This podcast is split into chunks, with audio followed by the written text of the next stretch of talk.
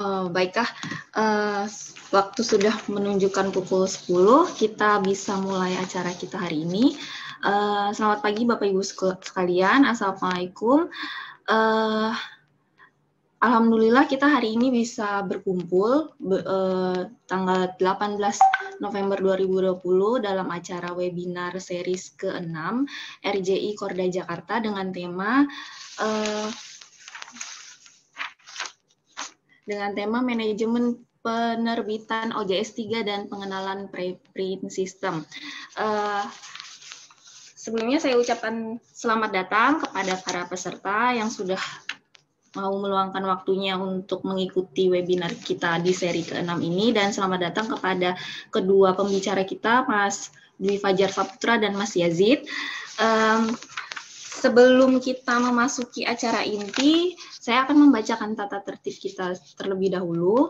Uh, sebagai informasi, uh, acara webinar kita hari ini juga ditayangkan di streaming YouTube uh, channel RJI. Uh, bagi Bapak Ibu yang tidak bisa mengikuti secara langsung di Zoom, bisa ikut di streaming uh, YouTube channelnya RJI. Uh, tata tertib saya bacakan tata tertib kita hari ini dulu. Yang pertama adalah kepada para peserta diharapkan untuk menampilkan nama asli. Ini nanti untuk mempermudah kita untuk jika ada yang bertanya ya. Kemudian uh, diharapkan kepada para peserta untuk selama pemaparan materi untuk menonaktifkan voice mode-nya.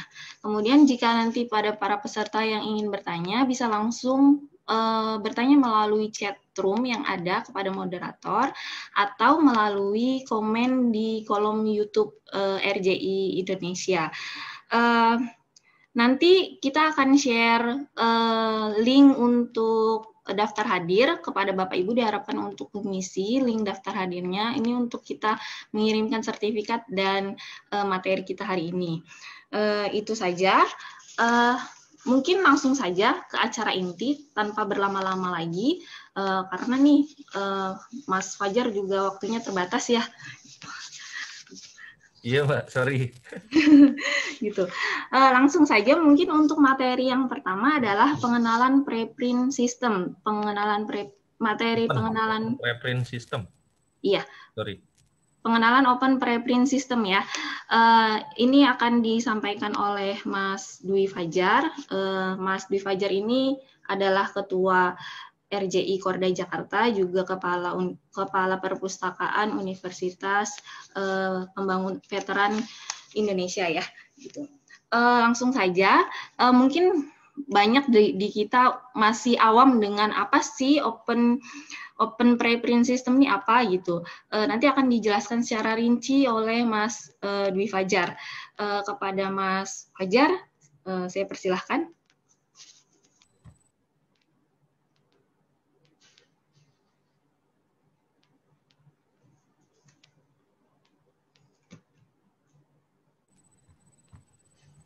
Share screen dulu. Oke. Terlihat Bapak Ibu? Mbak Iin mohon konfirmasi terlihat ya? Uh, terlihat Mas, jelas. Suara saya juga terdengar ya? Terdengar, clear. Maaf pakai masker. Selamat pagi, Bismillahirrahmanirrahim. Uh, Assalamualaikum warahmatullahi wabarakatuh. Bapak Ibu yang saya hormati, bagaimana kabarnya Semoga dalam keadaan sehat walafiat ya. Di tengah pandemi ini, alhamdulillah kita bisa berkumpul, kita bisa eh, sharing satu sama lain terkait pengembangan dari segi eh, apa isu-isu terkini tentang publikasi baik dari segi software-software yang memang sekarang sudah merata ya Bapak Ibu ya.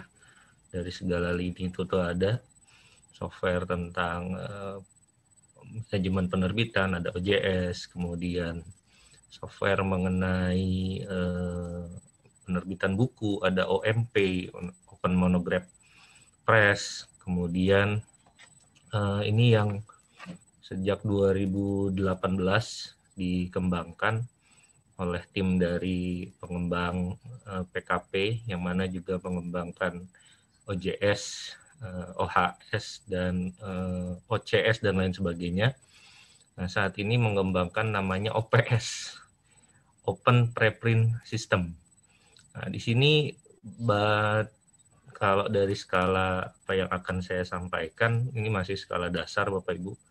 Ini juga saya menemukan beberapa bagian yang memang sepertinya masih eh, kategorinya sih kalau menurut saya ini masih kategori beta ya.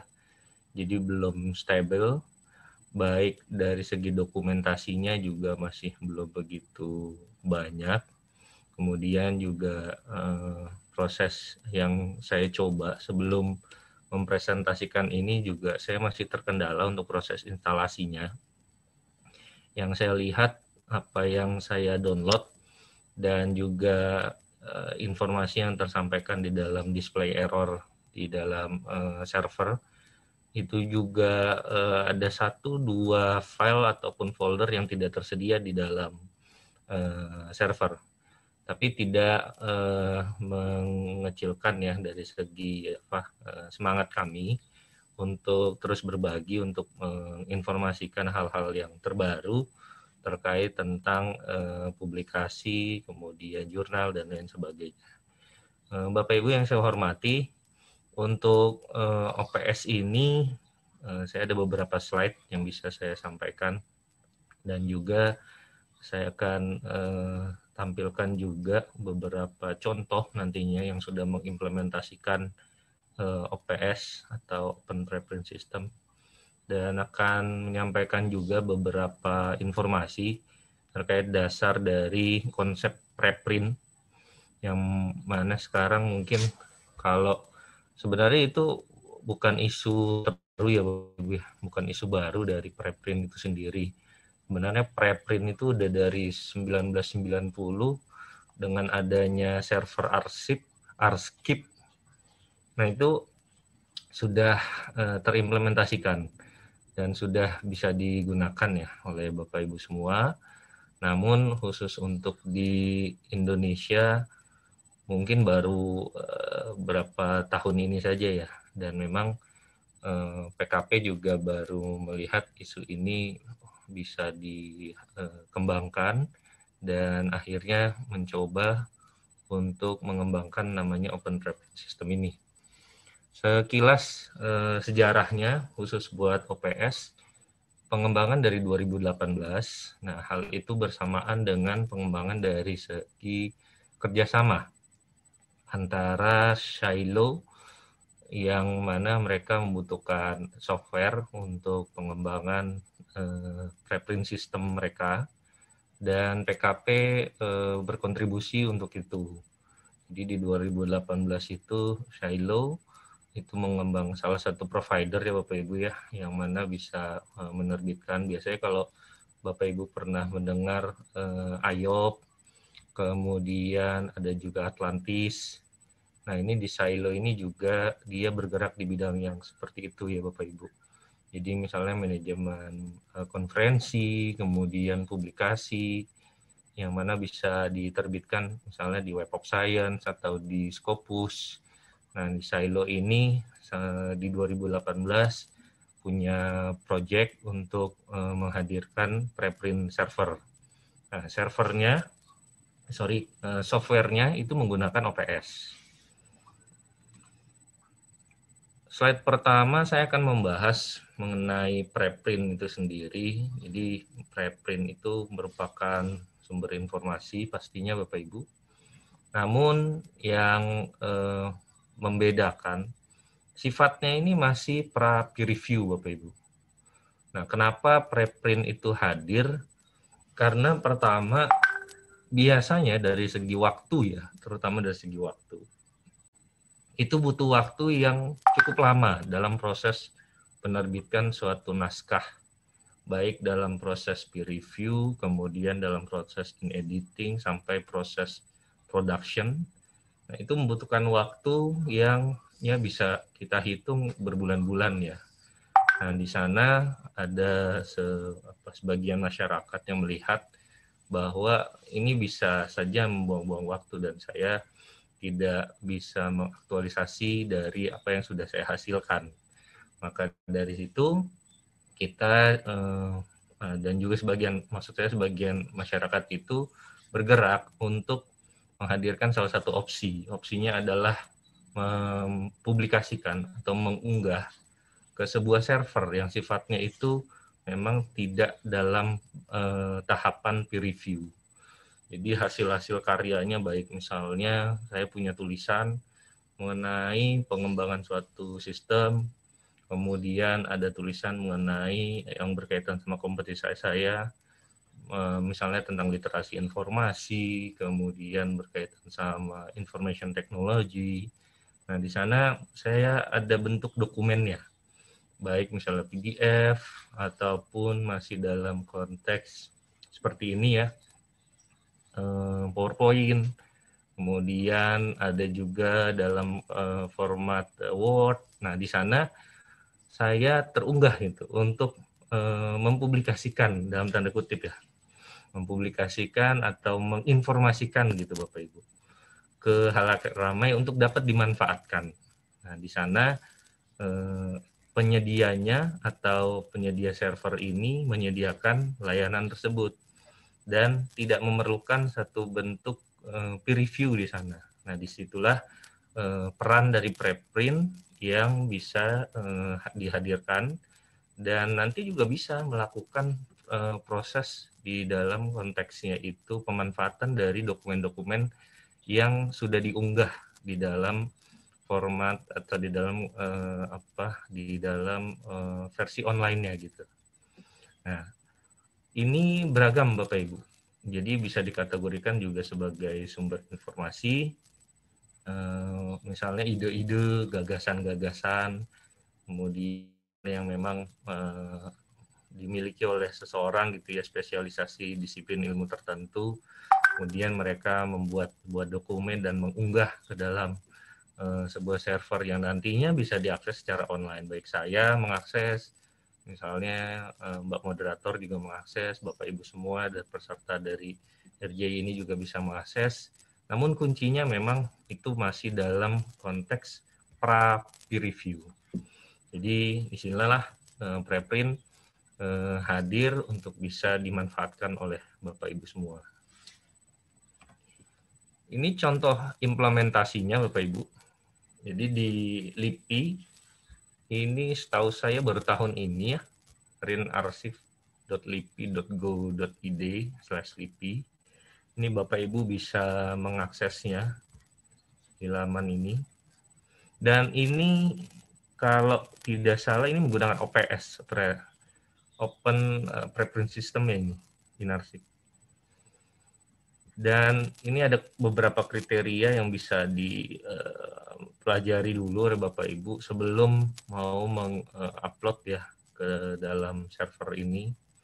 Sehingga nantinya eh, Bapak Ibu sudah memahami dulu nih apa hal-hal yang memang nantinya akan didapatkan oleh Bapak Ibu konsekuensinya dengan menjalankan sistem preprint seperti ini.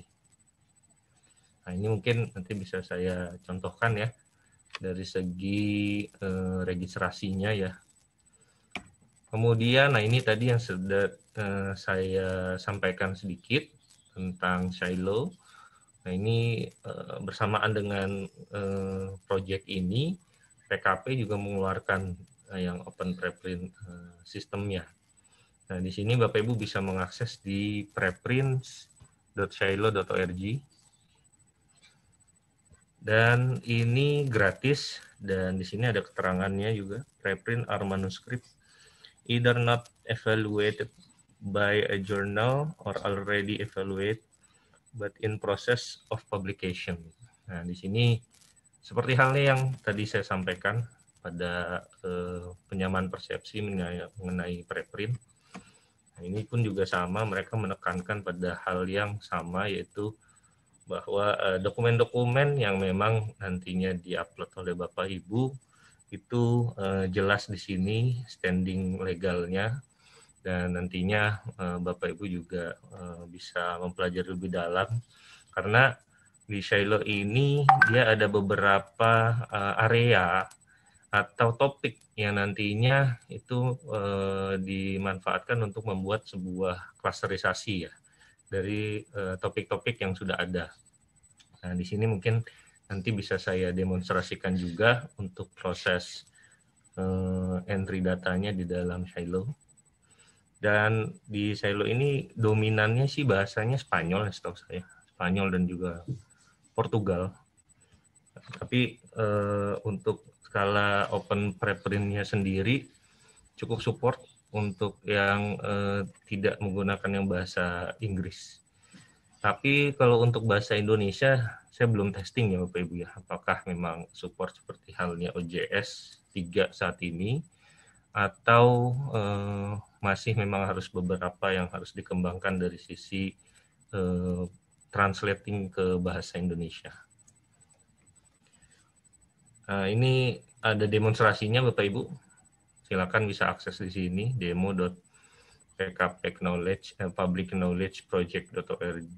slash ops slash demo. Nah, cukup sampai sini saja. Ntar mungkin bisa saya sampaikan juga untuk demonstrasinya. Lalu ini beberapa fiturnya responsive uh, reader. Uh, responsif di sini berarti jika menyesuaikan dari segi gadget yang digunakan oleh Bapak Ibu. Misalnya dari segi eh, Bapak Ibu menggunakan untuk mengaksesnya itu laptop. Nah, di laptop nanti dia menyesuaikan Bapak Ibu. Kemudian eh, baik besarannya, eh, layout, interface, kemudian misalnya menggunakan eh, apa namanya eh, mobile platform, smartphone misalnya Bapak Ibu ya. Nah, di sana baik dari segi barnya, kemudian menu-menunya kan kalau untuk di laptop biasanya melebar seperti itu ya Bapak Ibu. Tapi kalau pas diakses di mobile, dia menyempit dan juga ada bentuk uh, barnya di sana, sehingga pas diklik dia bisa memunculkan menu-menu yang sudah ada. Nah itu maksudnya adalah responsif.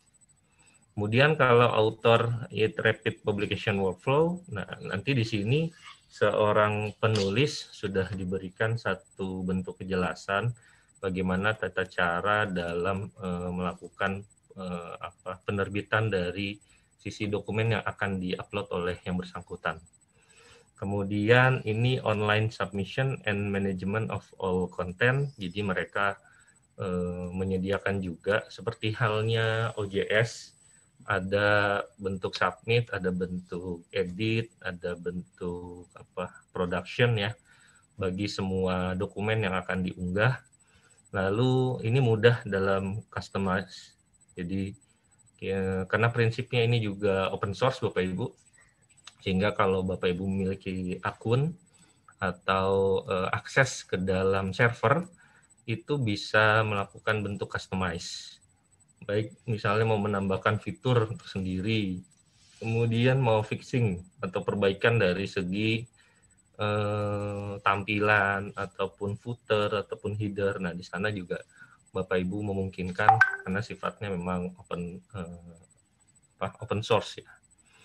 Kemudian ini integrate with Shirley uh, Publishing Service. Jadi memungkinkan juga untuk seperti halnya OJS untuk support dengan layanan-layanan dari Crossref dan juga Orchid dan ini bisa dilakukan instalasi di dalam PC jadi sifatnya lokal ya ataupun mau sifatnya yang menggunakan online atau IP public. Nah di sana juga memungkinkan untuk itu.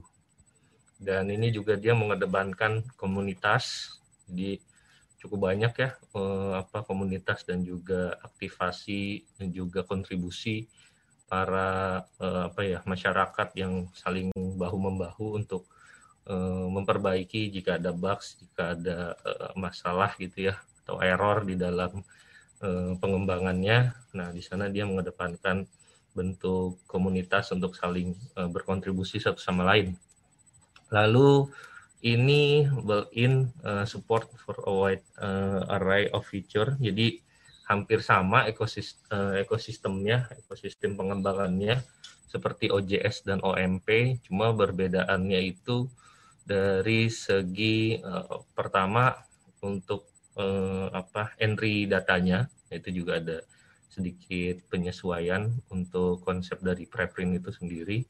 Kemudian tampilan, nah tampilannya juga mereka ada uh, penyesuaian juga baik misalnya uh, submitnya kapan, kemudian productionnya kapan, lalu juga ada keterangan bahwa uh, tiap dokumen yang memang sudah diupload itu kategorinya masih preprint seperti itu. Lalu ini uh, bahasa pengantarnya di dalam tiap uh, pengembangan uh, itu masih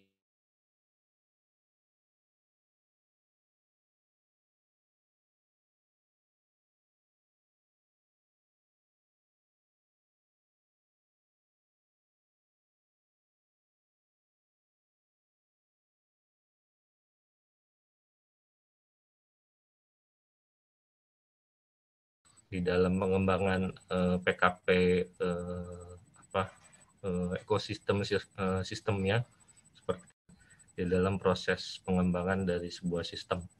Nah, khusus buat ini menurut saya memang menjadi concern ya bagi pengembang uh, PKP yang mana di setiap ekosistem uh, uh, apa software yang dikembangkan itu memang menjadi bagian yang harus diprioritaskan dari mereka.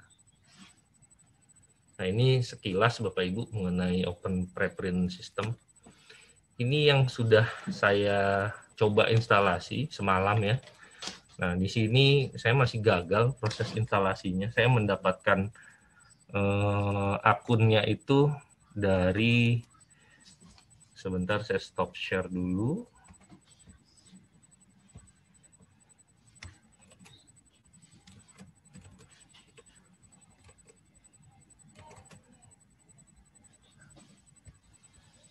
Uh, ini PK OPS.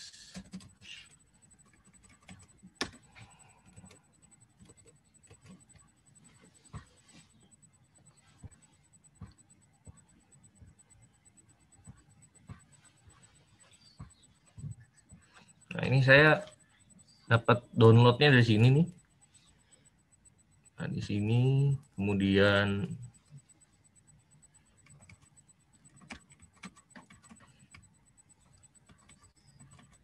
saya ambil yang paling atas ini. Tar.gz saya coba download lagi tadi pagi juga masih belum maksimal. Kayaknya butuh ada satu waktu yang lebih khusus lagi ya. Nah ini tar.gz itu di tadi pagi. Kemarin sih sebenarnya ini tapi pas dicoba lagi dari pagi dengan menggunakan yang dari GitHub itu ternyata juga masih belum maksimal juga ini. Saya nggak yakin karena size-nya cuma 1,0 ya. Saya ambil dari Git dan memang dokumentasi juga masih kurang untuk yang OPS itu sendiri. Nah, akhirnya saya coba ya mungkin dari segi pengenalan ini uh, ada beberapa yang harus diperbaiki. Di sini mungkin saya juga mempersilahkan bagi Bapak Ibu yang memang udah mencoba atau mau sharing ya terkait instalasi ini.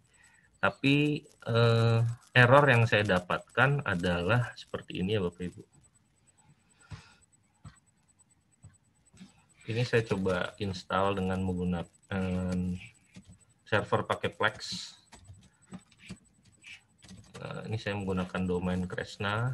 Di Kresna itu salah satu eh, bendera ya dari eh, RJI yang mana kita saling menopang satu sama lain untuk kebutuhan-kebutuhan eh, pendanaan Kresna hadir untuk bisa memfasilitasi dari RJI. Nah, di sana kan RJI juga banyak kegiatan-kegiatan yang sifatnya itu gratis dan di sana ya saling bantu satu sama lain untuk mendukung ya. Nah, di Kresna ini saya menggunakan akunnya yang ini ops.kresnanusantara.net. Tapi pas saya klik display on, nah di sini ada keterangannya eh, tidak berjalan dari segi auto load. Nah, idealnya kan di dalam satu server eh, itu kan menyediakan sumber ya, sumbernya itu masuk ke dalam eh, apa struktur file dan juga folder tapi ternyata di dalam lipnya ini lip vendor eh, itu ada beberapa yang kosong nah ini mungkin bisa saya cek sampaikan ya nah, sorry salah sebentar. OPS ini ya. Sebentar lupa di nonaktifin. Ini Oke. Nah, ini OPS-nya di displaynya itu saya sih kepikiran ya, ini mau ngambil dari OJS, kemudian saya simpan nanti untuk yang folder yang masih kosong. Tapi saya belum belum sempat untuk itu. Nah, di sini terbuka saja kita saling uh, sharing ya. Kalau ada hal-hal yang memang kurang dari sisi saya sekalipun juga saya welcome untuk uh, diskusi dengan Bapak Ibu. Nah, ini ini folder yang saya dapatkan file name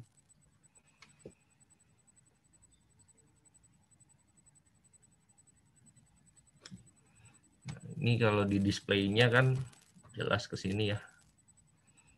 Jadi harusnya eh, penyesuaiannya nih di beberapa antara dua ini ya, antara file ini dua. Namun folder utamanya adalah lib. Nah, lib itu berarti di sini Bapak Ibu. Ini folder lib. Folder lib saya klik, kemudian PKP, bisa sini ya lip kemudian class-nya class class dan atau vendor ya. Class core kemudian core. Core one core.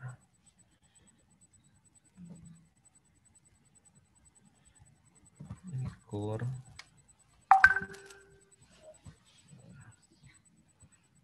Nah, ini yang PKP application ya. Oke, PKP application. Nah, ini ada kalau yang PKP application.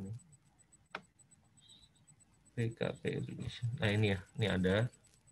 Tapi yang satu lagi nih, yang uh, lip vendor. Coba kita cek ke lip.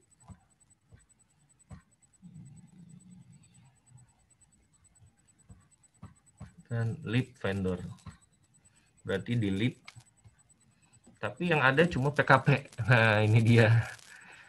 Jadi saya masih miss di sini. Ini keterangannya file to open no such uh, file or directory ya di sini. Jadi ini uh, require-nya jadi sistemnya itu dia nanti seperti halnya OJS ketika kita simpan folder dan kita simpan uh, source tanpa uh, apa otak-atik uh, apa database. Nah, nanti database-nya memang harus dibuat dulu biasanya username segala macam nah di sana tapi uh, itu tahapan berikutnya ya setelah penyimpanan ini. Sehingga nantinya pas diklik seperti ini dia bisa ngereload gitu Bapak Ibu. Seperti halnya kita pas instalasi OJS jadi muncul kayak semacam installernya gitu Bapak Ibu di dalam browser tapi memang di OPS ini pas saya lihat folder untuk uh, lib terus kemudian slash vendornya ini masih belum ada ya untuk mengaktifkan autoload.php. Nah, kemudian saya cari di Git. Saya cari di Git untuk yang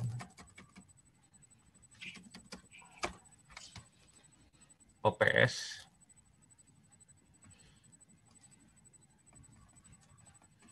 ini ya yang dan ini menggunakan eh, PHP versi 7 ke atas Bapak Ibu. Jadi cukup update ya dari segi pengembangannya.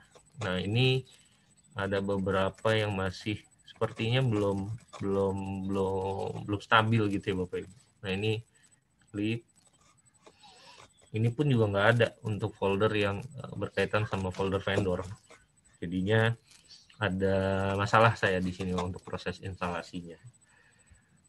Nah, itu mungkin ya nanti bisa kami update untuk beberapa informasi terkininya nanti bisa melalui apa eh, mungkin eh, grup ya grup WA dari RJI DKI Jakarta atau uh, nanti kita sampaikan kalau ada updating di forum. Nah, insya Allah kita akan bahas di sini. Forum.relawan. Forum relawan jurnal. Nah, di sini mungkin kita akan tambahkan webinar RJI. Ini series ke 5 atau 6 ya? 6. Nah, nanti mungkin kita tambahkan di sini. Jadi kalau ada updating terkait uh, proses dan juga uh, berhasilan dari instalasinya itu akan kita uh, update di sini ya Bapak Ibu ya supaya nanti terdokumentasi dengan baik oleh Bapak Ibu.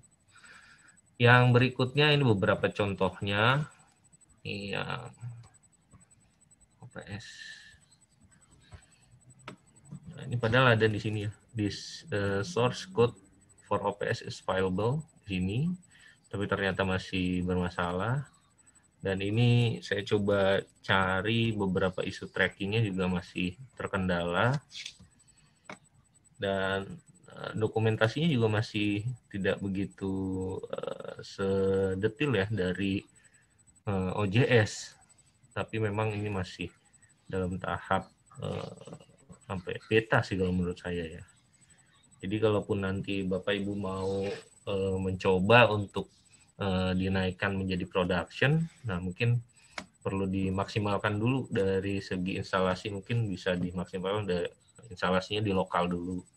Kemudian nanti kalau mau digunakan secara langsung itu bisa dimaksimalkan uh, ya untuk bisa dijadikan layanan preprint. Nah, preprint di sini sebenarnya bisa juga kita implementasikan bagi Bapak Ibu yang uh, uh, mungkin berkaitannya sama ya perpustakaan ya yang mana itu menjadi apa layanan deposit ya bagi seluruh uh, sivitas akademika dari instansi uh, instansi masing-masing. Nah, kemudian nanti uh, setiap misalnya ya, misalnya apa ada yang namanya uh, slide, slide dari presentasi. Ini kan banyak ya yang webinar tuh slide-slide-nya itu kan uh, dihasilkan ya di dalam eh, kegiatan-kegiatan uh, webinar seperti ini. Nah, di sana ketika mau uh, mengupload, nah itu silakan saja dengan memanfaatkan layanan dari preprint ini. Yang berikutnya mungkin baru Bapak Ibu baru membuat satu bentuk ide gitu untuk penulisan. Nah, di sana Bapak Ibu mau supaya banyak dimanfaatkan sama orang. Nah, di sana juga silakan Bapak Ibu bisa memanfaatkan layanan preprint ini sehingga nantinya bisa diunggah dan dimanfaatkan oleh uh, masyarakat gitu. Oke, nah ini juga ini hanya segini aja Bapak Ibu untuk yang uh, apa ya konsep dan juga uh, instruksinya masalahnya juga. Ini konsepnya ya sini belum begitu uh, informatif ya. Ini ini download. Kalau di OJS kan banyak ya. Kemudian di sini juga ada keterangan fixing bugs-nya di bagian sini. Tapi untuk yang ini memang ini betanya juga masih baru ya. Ini baru belum ada kejelasan juga kira-kira kapan memang udah sifatnya itu stable. Biasanya sih kalau udah stable nah biasanya emang sudah ada informasi ya yang disampaikan baik menggunakan uh, website ataupun uh, ada semacam soft launching seperti itu Bapak Ibu. Jadi uh, memang kategori yang uh, di dalam OPS ini masih sifatnya beta.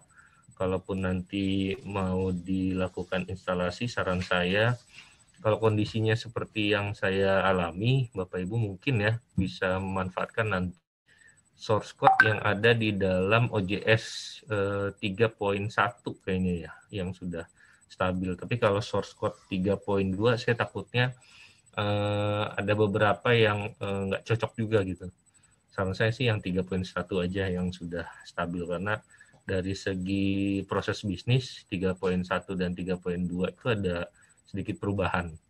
Nah, di sana yang uh, bisa dimaksimalkan oleh Bapak Ibu, terutama folder-folder yang memang masih kosong nih, seperti hal yang saya alami ini masih belum ada folder vendor kemudian uh, file dari autoloadnya juga dia tidak disediakan di sini Bapak Ibu atau eh, Bapak Ibu juga bisa kalau Bapak Ibu terbiasa dengan menggunakan eh, GitHub, nah di sini bisa Bapak Ibu juga membuat semacam eh, isu ya. Nah, isunya itu bisa baik misalnya di sini tuh mau melakukan new pull request atau apa pun ya. Tapi memang ini isunya juga belum gitu.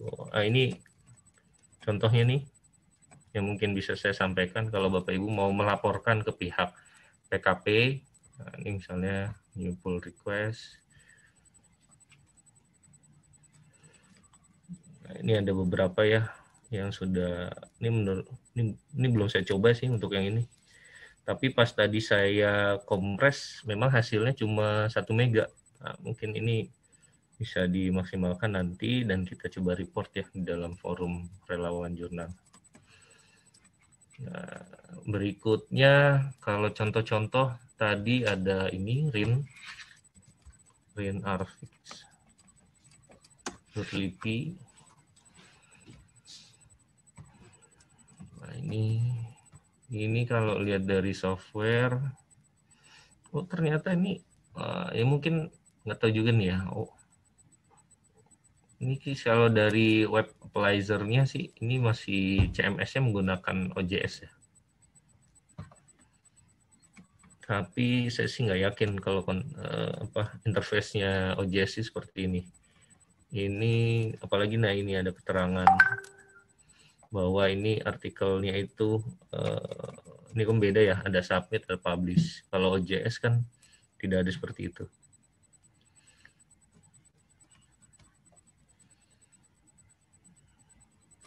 dan ini keterangannya about the server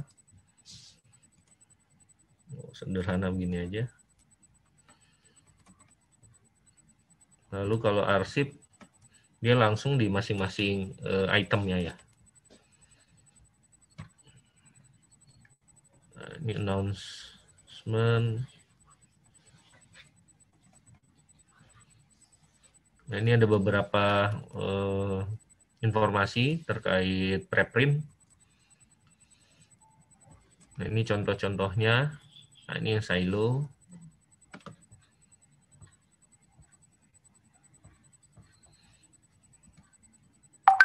Wih, sorry bukan ini ya. Harusnya preprint. Silo.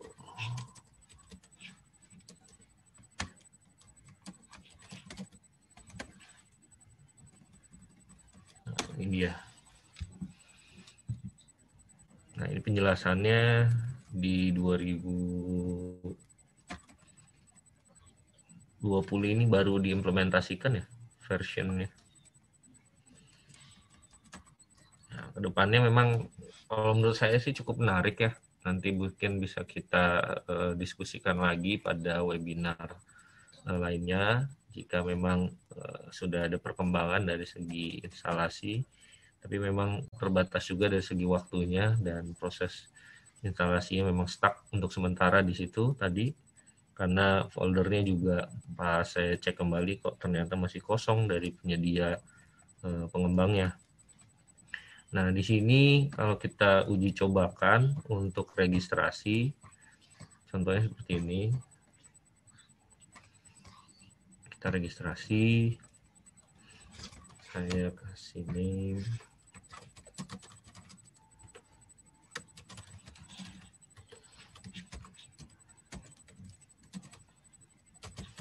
Oh saya di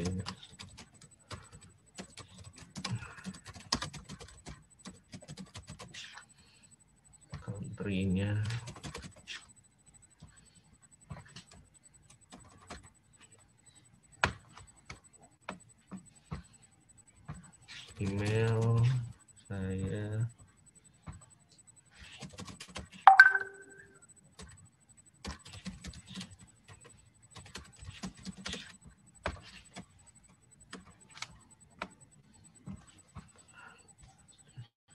Ini dicek dicek ya register kemudian make a new submission. Nah, ini alurnya Bapak Ibu sekedar eh, menambahkan materi. Nah, mungkin yang membedakan di sini poin-poin dari segi requirement dalam mensubmitnya juga mereka ada layanan, uh, sorry ada informasi-informasi yang memang harus disesuaikan dengan konsep dari preprint.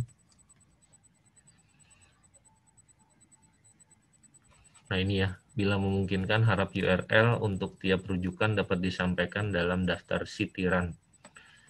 Nah ini kan eh, berarti eh, ya ada bentuk apa ya eh, informasi dari setiap dokumen itu daftar referensinya apa saja gitu. Ini coba kita klik, lalu di sini kita klik juga.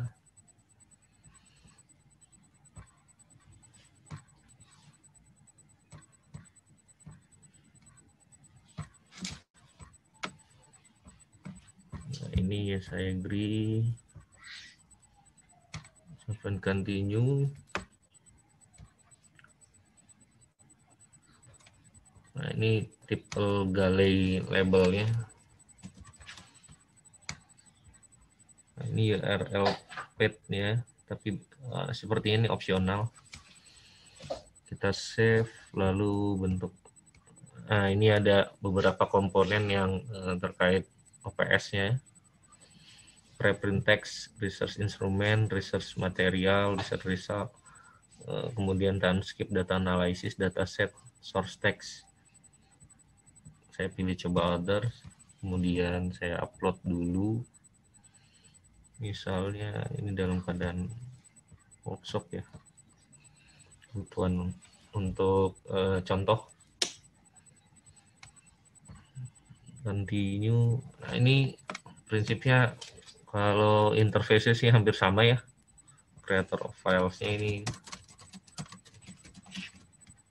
Publishernya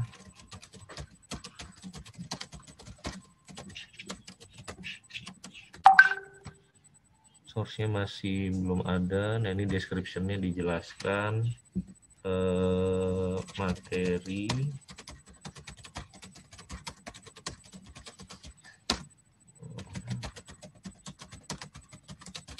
Misalkan seperti ini.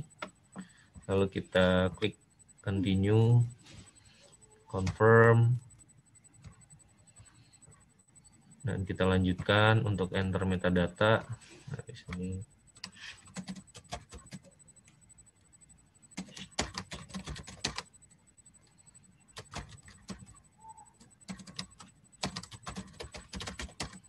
H sorry. Misalkan seperti ini. Uh, abstraknya.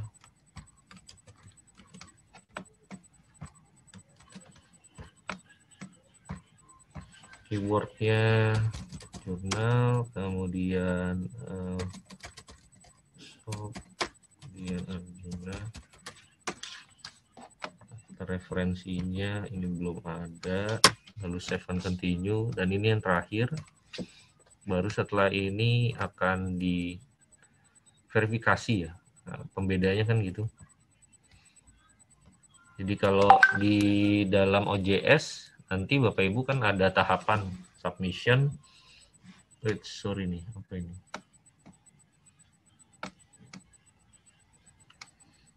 Thank you for interest. Nah udah ya. Ini udah kekirim. Nah uh, melanjutkan. Jadi ada submission, kemudian ada inedit uh, review, kemudian copy edit kalau di OJS 3 ya. Kemudian satu lagi itu production. Nah, di sini untuk yang review sepertinya tidak, tapi melakukan proses verifikasi supaya apa yang memang disubmit ya oleh Bapak Ibu selaku apa dalam hal ini akun pengirim atau pengupload Nah, nanti apakah sesuai dengan uh, apa kebijakan-kebijakan dan juga peraturan yang ada. Jadi kalau misalnya memang uh, tidak sesuai dan juga filenya mungkin ada mengandung hal-hal yang tidak sesuai, itu kemungkinan besar bisa ditolak. Tapi kalau tidak, uh, Bapak Ibu akan uh, di apa diverifikasi dan di approve sehingga nanti akan muncul di bagian beranda. Uh, prinsipnya sih kalau untuk uh, mungkin Bapak Ibu pernah mendengar repositori, prinsipnya hampir sama, fungsinya itu melakukan deposit dan uh, sifatnya ini online. Namun untuk repositori itu kan kecenderungannya hasil karya intelektual dari civitas akademika di instansi Bapak Ibu gitu ya. Nanti keluarannya adalah apa bisa diakses, bisa diseminasikan kemudian bisa kolaborasi juga bisa menggunakan uh, kolaborasi dengan Garuda dan lain sebagainya. Tapi kalau yang preprint ini sepertinya dia lebih luas ya Bapak Ibu. Jadi uh, artikel apa pun yang memang uh, tidak di dalam konteks peer review uh, itu silakan saja dan itu mungkin uh, membantu juga buat Bapak Ibu untuk meningkatkan dari segi apa self archivingnya Bapak Ibu. Nah itu silakan silakan bisa dimaksimalkan. Uh, yang pasti memang kalau dari uh, preference ada informasi juga uh, apa yang memang di-upload di preference ini. Sifatnya itu uh, apa ya ada yang bisa ada yang bilang itu publikasi ada yang bilang itu juga belum dinyatakan uh, mempublikasikan sebuah dokumen.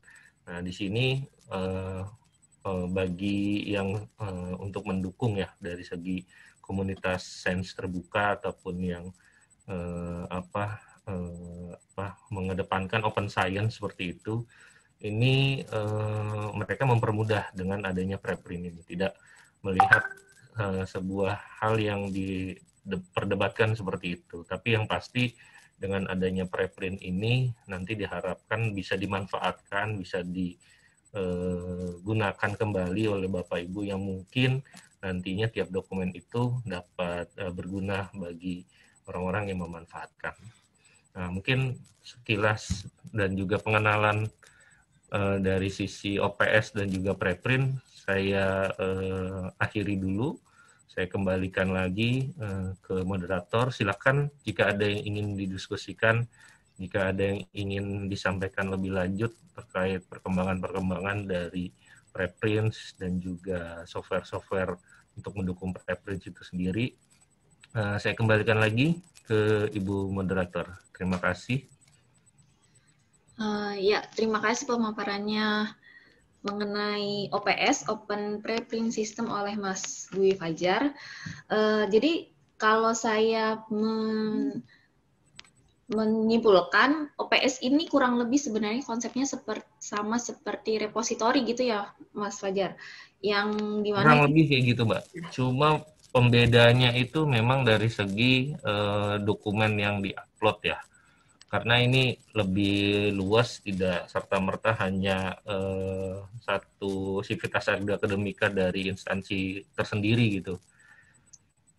Ya gitu. Jadi uh, Bapak Ibu yang mungkin punya ide atau gagasan yang ingin di-share itu bisa di-publish di OPS gitu ya Mas ya. Betul, yang, betul.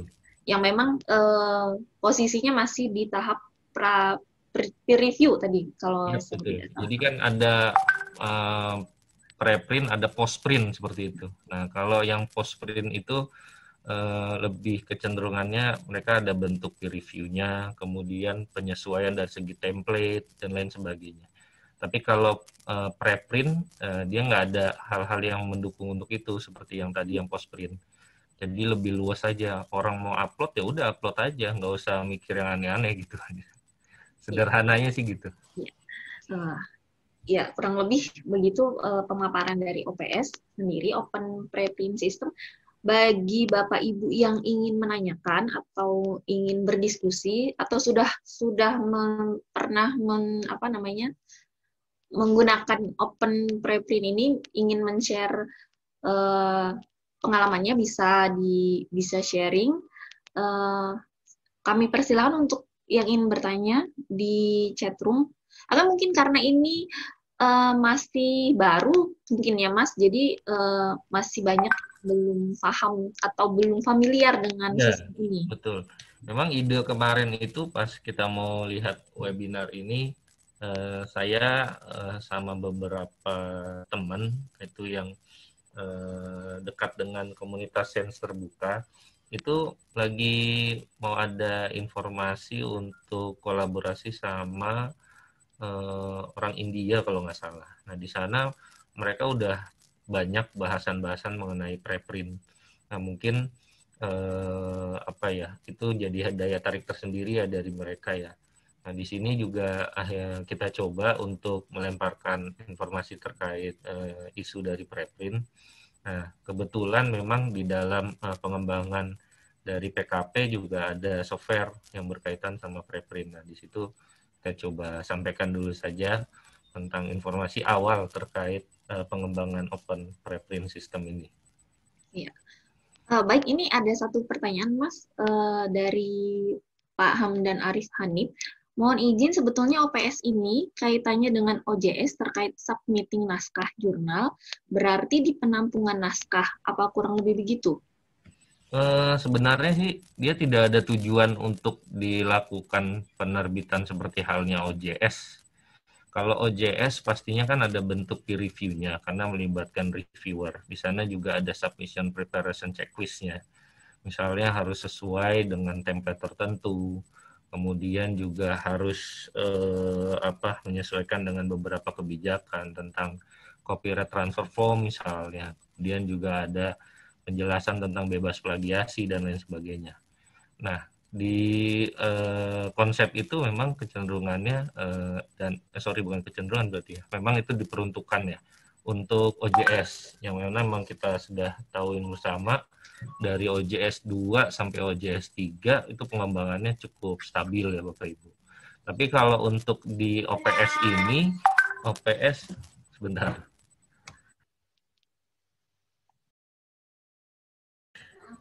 OPS ini ini lebih luas. Jadi dia tidak mengharuskan adanya template yang harus sesuai dengan uh, ditentukan sama uh, pengelola ataupun ada copy transform form itu sendiri yang mana biasanya orang-orang kalau mau mengupload di dalam uh, eh, OPS itu nanti digunakannya untuk self archiving.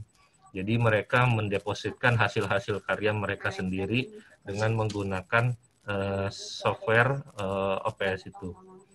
Jadi membedanya sih dasarnya seperti itu ya Mbak ya.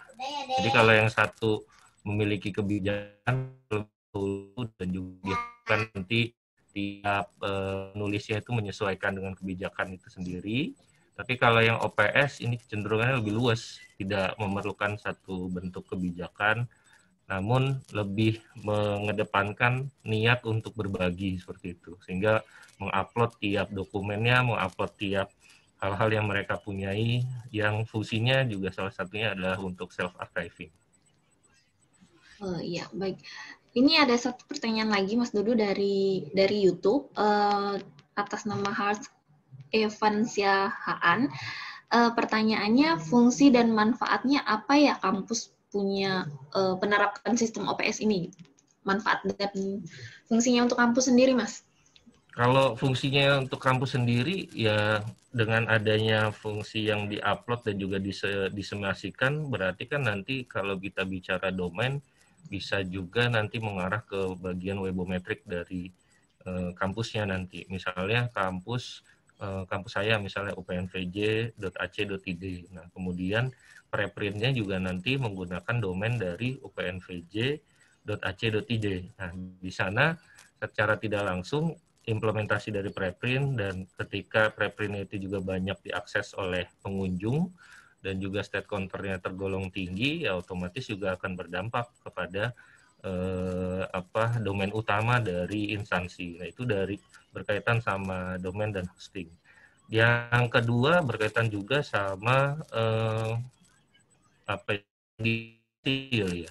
Jadi diseminasinya itu biasanya kalau yang preprint itu lebih cepat proses terupload di dalam sebuah sistem. Tidak menunggu satu proses yang memang membutuhkan seperti proses peer review di dalam jurnal. Nah, kalau proses peer review di dalam jurnal kan biasanya itu bisa sampai tiga bulan, bisa sampai enam dan lain sebagainya. Nah, di sini dengan adanya eh, dokumen yang banyak, kemudian langsung bisa dilakukan unggah dan juga upload ke dalam server, nanti diharapkan kontennya itu semakin banyak dan juga semakin diharap eh, diakses oleh masyarakat luas sehingga nantinya eh, berdampak juga kepada eh, pengaksesan pemanfaatan dari eh, apa tiap dokumen yang diunggah itu tadi. Seperti itu sih, Mas Evan.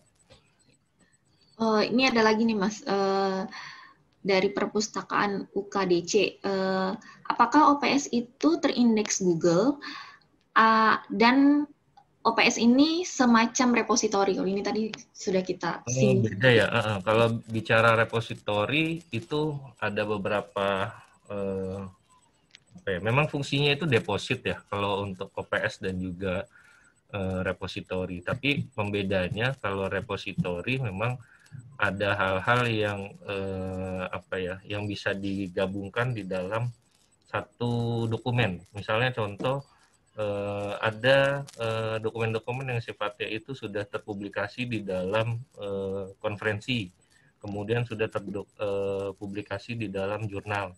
Nah, di sana dimasukkan ke dalam repositori. Nah, itu konsep juga dari repositori. Tapi kalau untuk preprint, setiap yang memang sudah uh, terpublikasi, berarti kan ada bentuk peer review, ya kan? Nah, di sana memang tidak sampai masuk dalam konteks di preprint. Tapi kalau misalnya kondisinya masih seperti yang saya ini masih baru menyampaikan di webinar, kemudian saya mau mengupload nih ke dalam server, nah itu baru masuk kategori sebagai uh, preprint. Tapi kalau misalnya saya mengambil uh, semua apa dokumen yang saya punya, ya itu harusnya sebaiknya sih dipilah-pilih ya antara mana yang preprint, kemudian mana yang uh, sifatnya bisa masuk ke dalam repositori. Nah, di sana sebenarnya sih tugasnya ya salah satunya pustakawan ya untuk bisa meminimalisir gitu hal-hal yang memang tidak sesuai dengan tupoksi. Nah, kalau misalnya kondisinya memang eh, tidak memungkinkan, saran saya sih untuk tahap awal sambil menunggu PS ini stabil, memang bisa memanfaatkan eh, repositori itu juga. Jadi repository kan ada beberapa software ya, ada Dispace, ada ePrints. Nah di dalam uh, Dispace dan ePrint itu nanti dimasukkan khusus buat satu apa satu kayak semacam tipe uh, ini ya tipe dokumennya. Nah itu di set sebagai atau dipilih untuk yang kolomnya itu uh, preprint. Sehingga nanti pas muncul di beranda dia ada keterangan bahwa dokumen-dokumen itu adalah sifatnya masih preprint. Seperti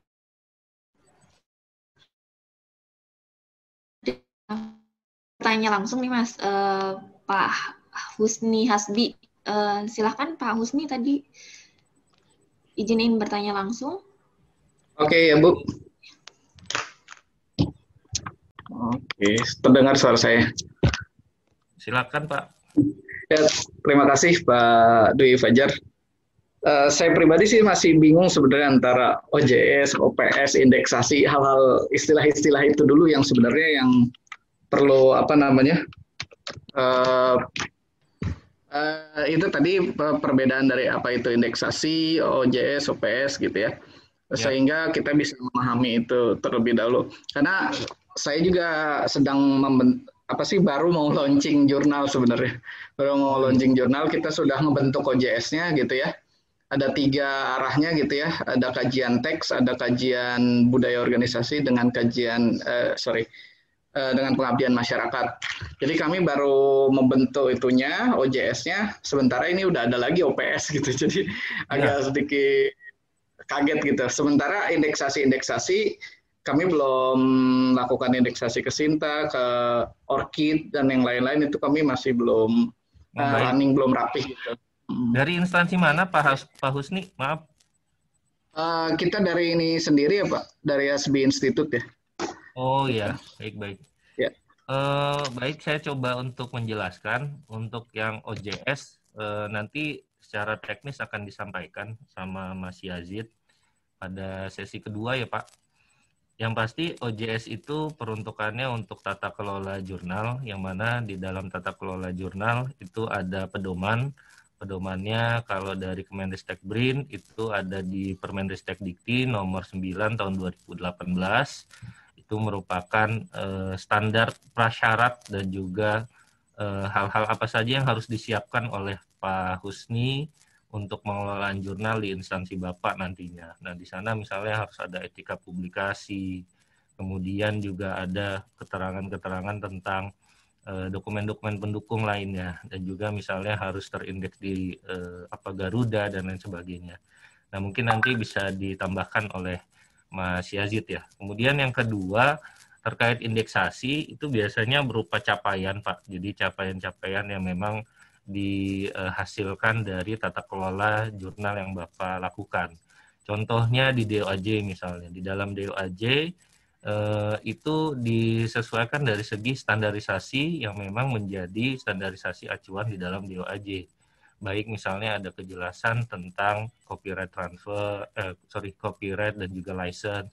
Kemudian juga seberapa besar jurnal Bapak itu menerapkan open access dan lain sebagainya. Nah, di sana jika sesuai dengan standarisasi dan Bapak di-approve, nanti bisa terindeks dalam DOAJ. Eh, kaitannya dengan akreditasi, ketika sudah diindeks di dalam DOAJ, nanti jurnal Bapak terkategori eh, jurnal terindeksasi eh, reputasi menengah.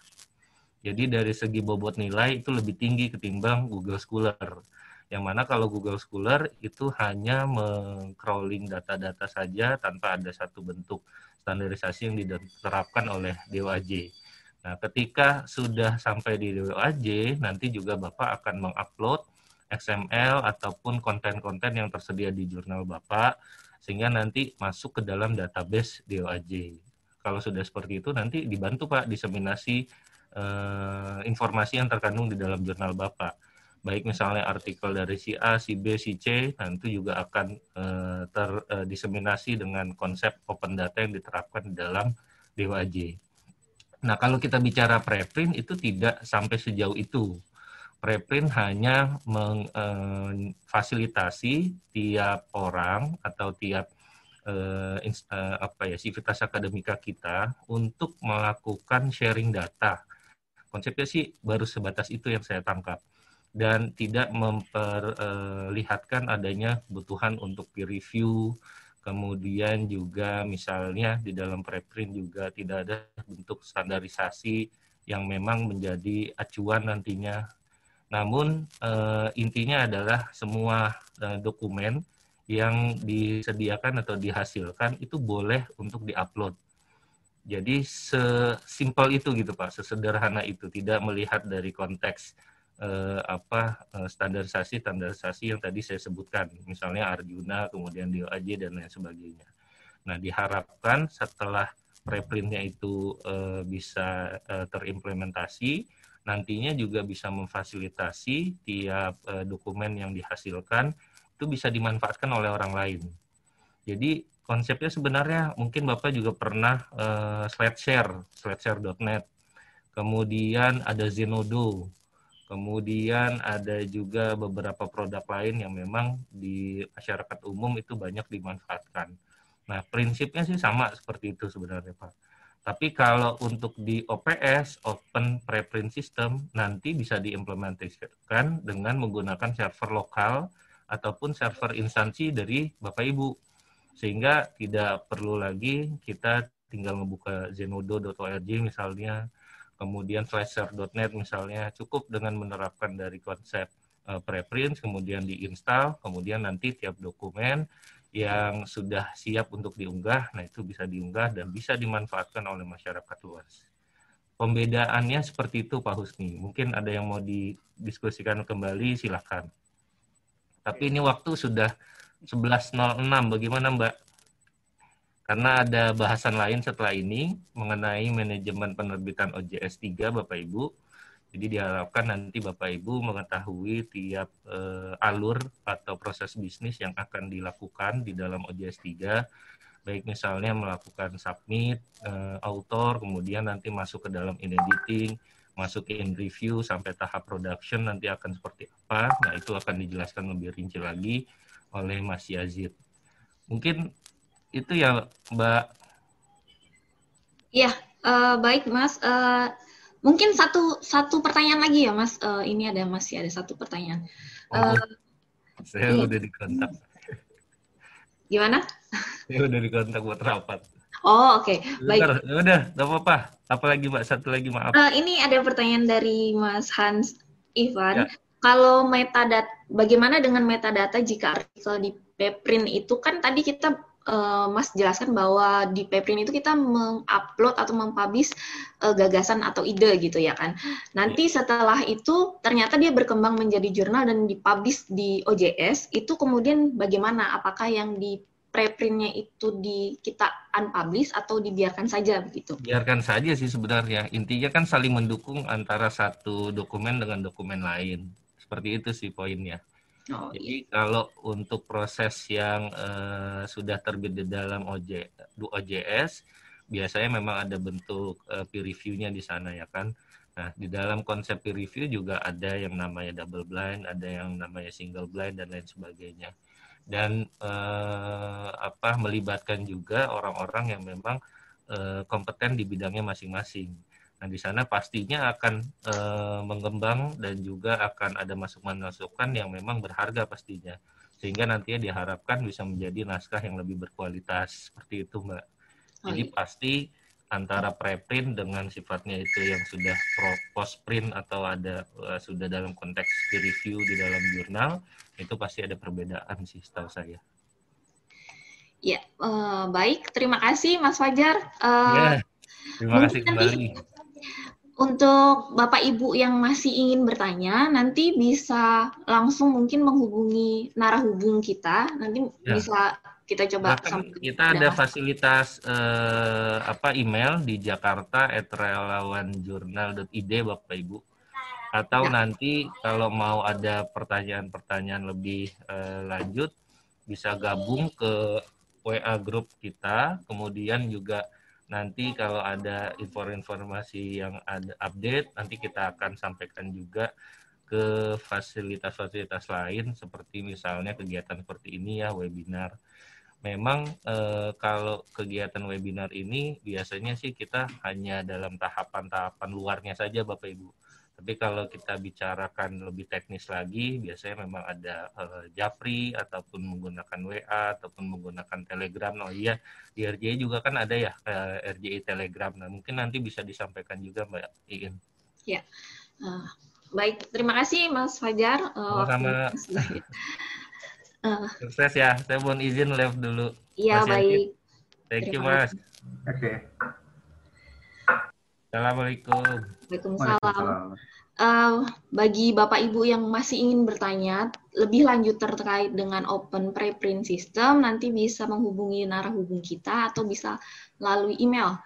Uh, nanti nanti insya Allah kita sampaikan kepada Mas Fajar dan bisa dijapri langsung gitu.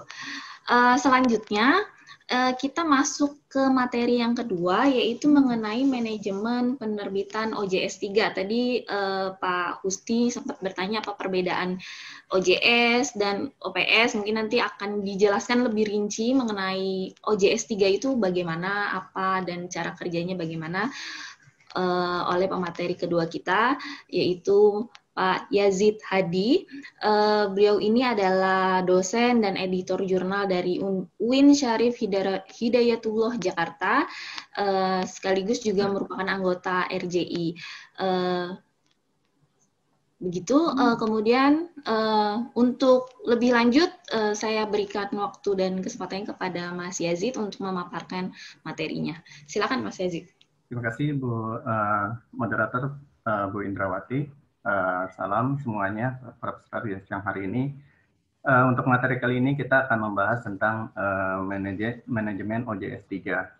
Uh, untuk sebelumnya saya uh, tadi kita sudah membahas tentang OPS dan sudah melihat bagaimana perbeda, sedikit perbedaan tentang OJS.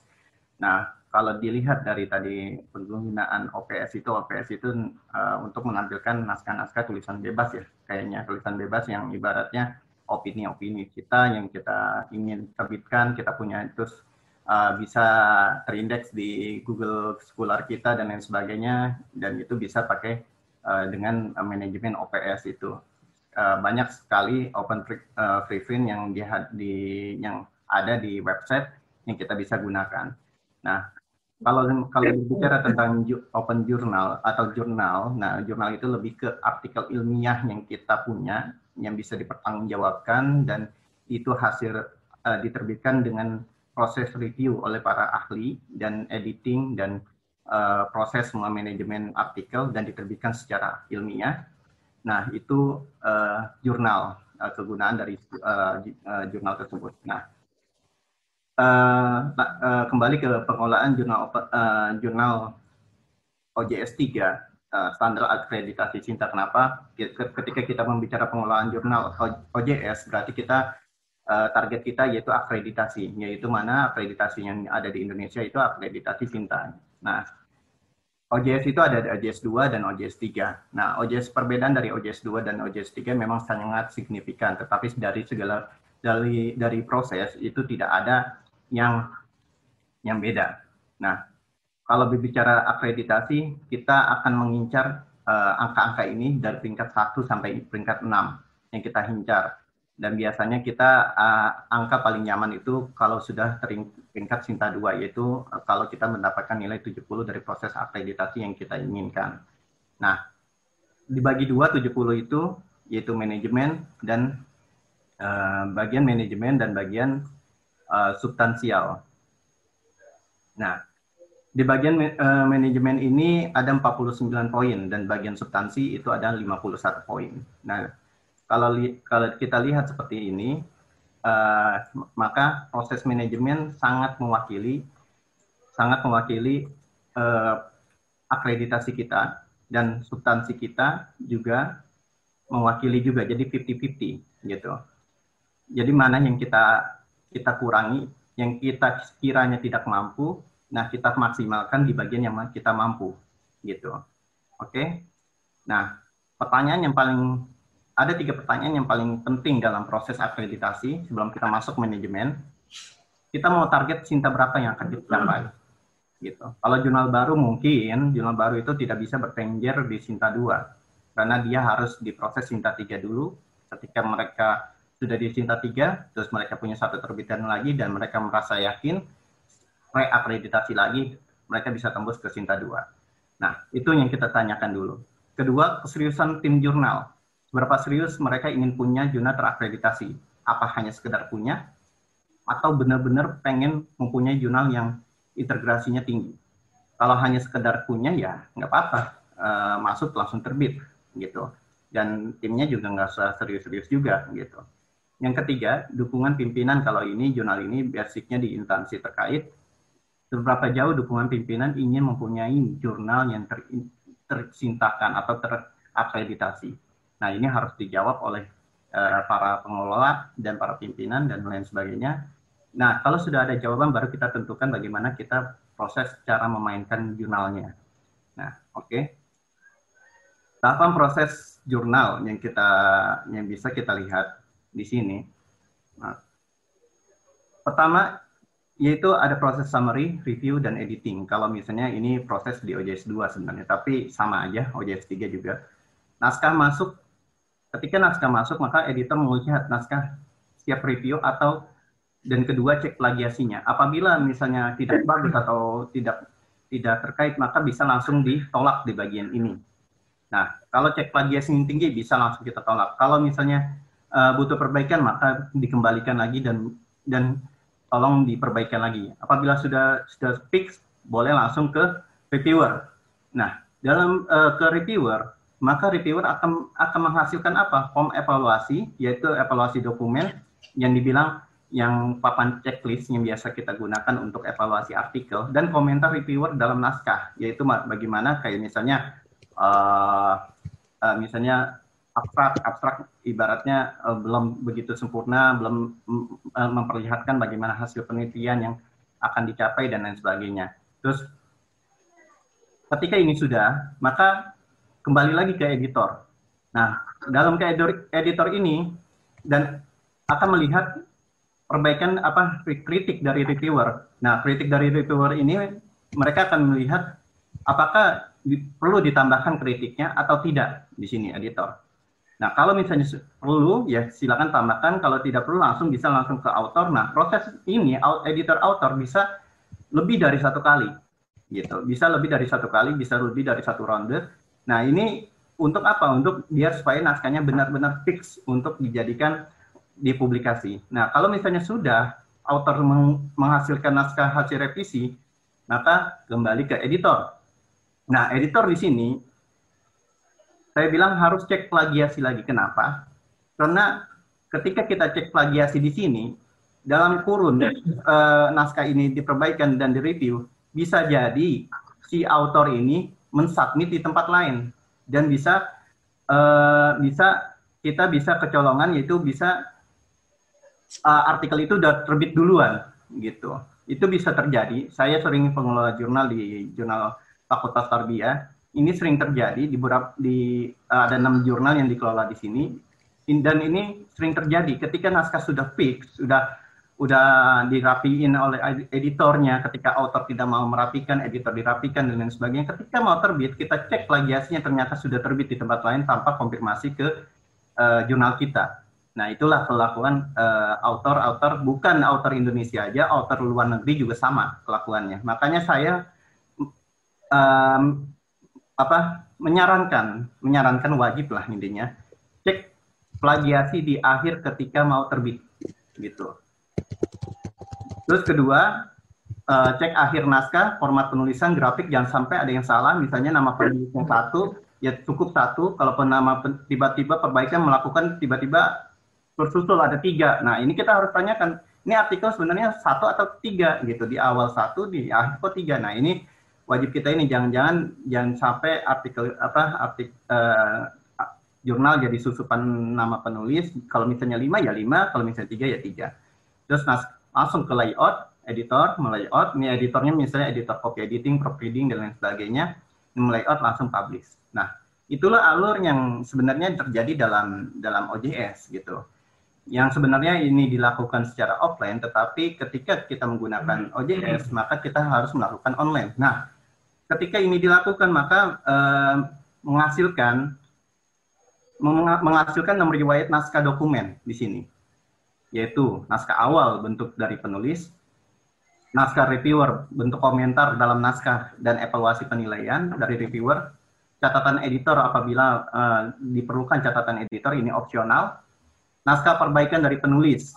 Nah ini naskah perbaikan dari penulis dengan fasilitas MS Word dari Racing kalau misalnya penulis itu melakukan perbaikan lebih lebih mudah. Naskah copy editing ini opsional juga kalau misalnya uh, dilakukan copy editing kalau misalnya OJS tidak melakukan copy editing langsung uh, rapi di bagian ini nggak masalah. Nah, langsung naskah layout. Nah, inilah yang ibaratnya yang kita akan perhatikan dalam uh, manajemen jurnal. Nah, lagi-lagi bagi yang ingin mengolah jurnal baru, maka penerbitan jurnal run staff ke sekretariat itu sangat penting. Bukan sekedar ada, tetapi memang dia harus bekerja secara secara uh, sistematis dan terstruktur. Dia bahwasanya uh, hmm. bekerja di jurnal. Mengolah jurnal juga perlu membangun sistem mekanisme pengolahan naskah, alat-alat surat-surat dan lain sebagainya itu disiapkan dulu sebelum kita mampu uh, sebelum kita beraksi untuk proses penerbitan.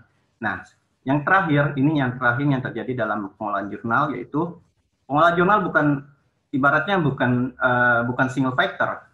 Walaupun S, terkadang SK-nya ada 10 orang, tetapi yang kelola itu tiga atau dua. Nah, makanya maka dari itu orang yang mengelola jurnal itu harus passion satu. Kalau bukan passion dia ada di jurnal, dia kagak bakalan betah ada di jurnal. Kenapa?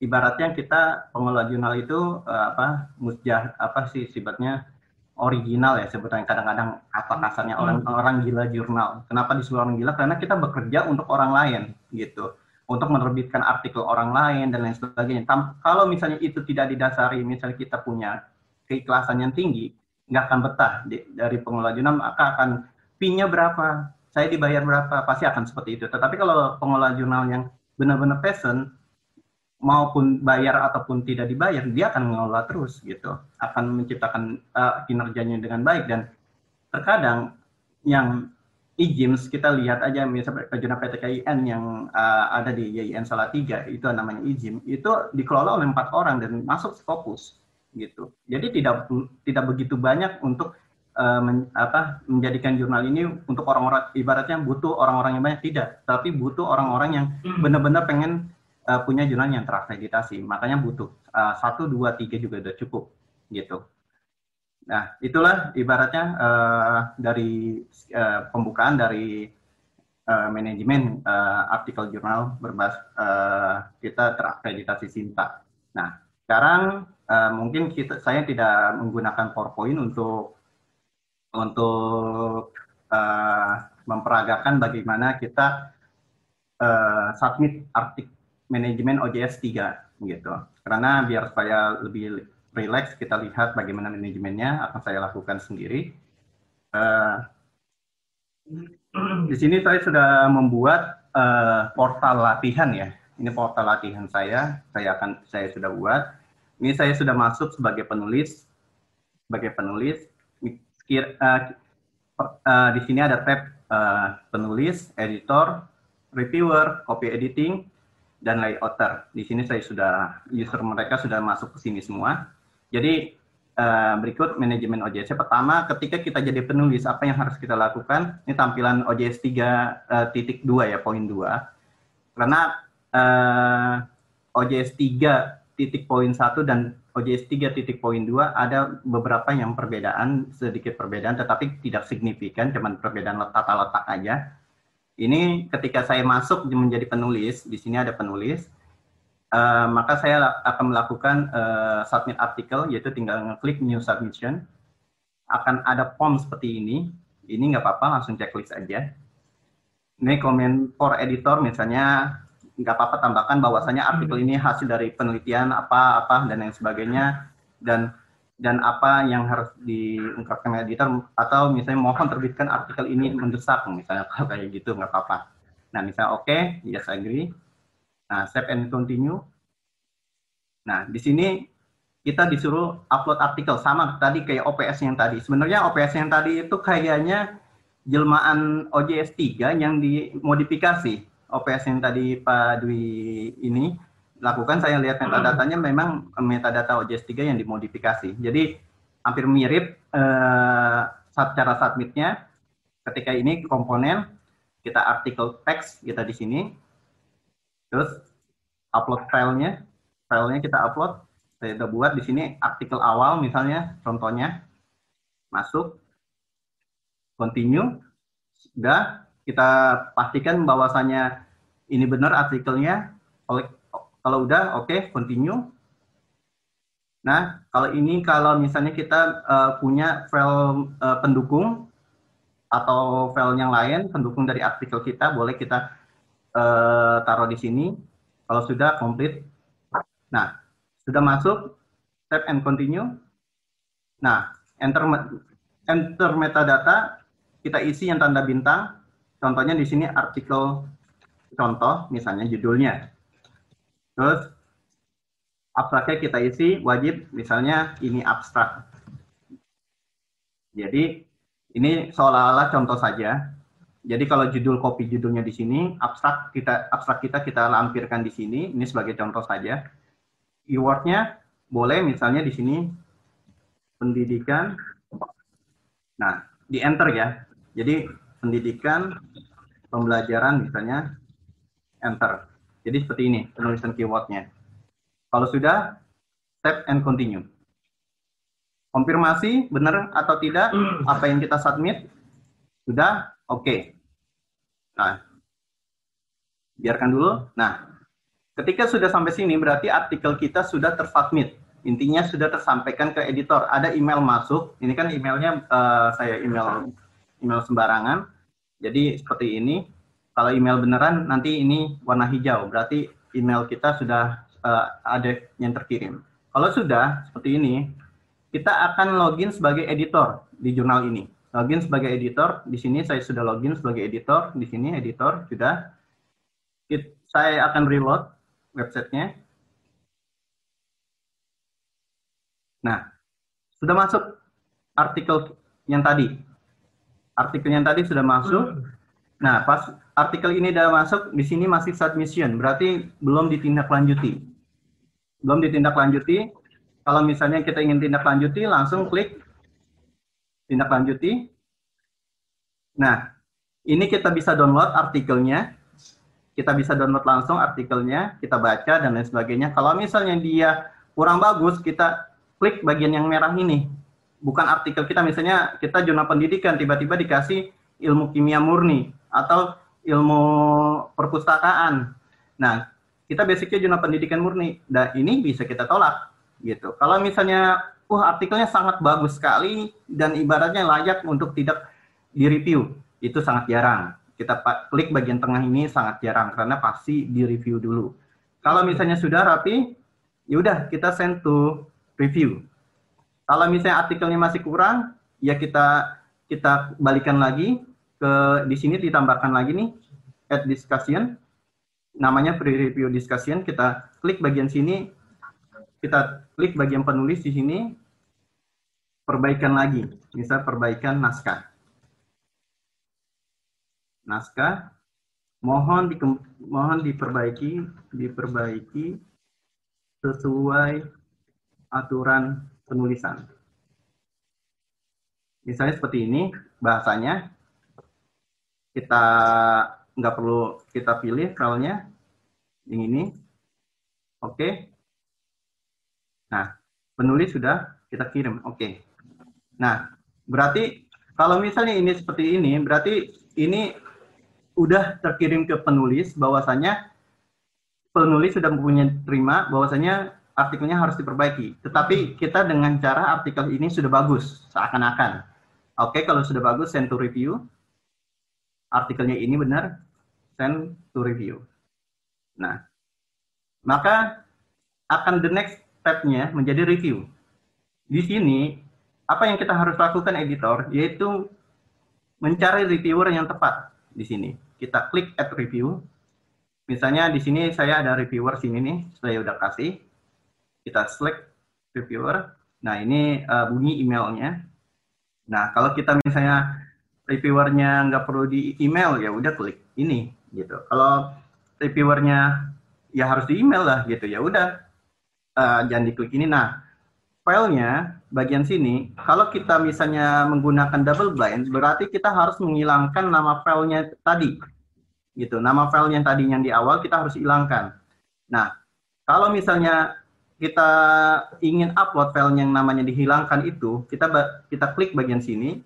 Nah, ini kita bisa upload file yang yang kita hilangkan tadi, gitu. Oke. Nah, sudah, kalau misalnya sudah,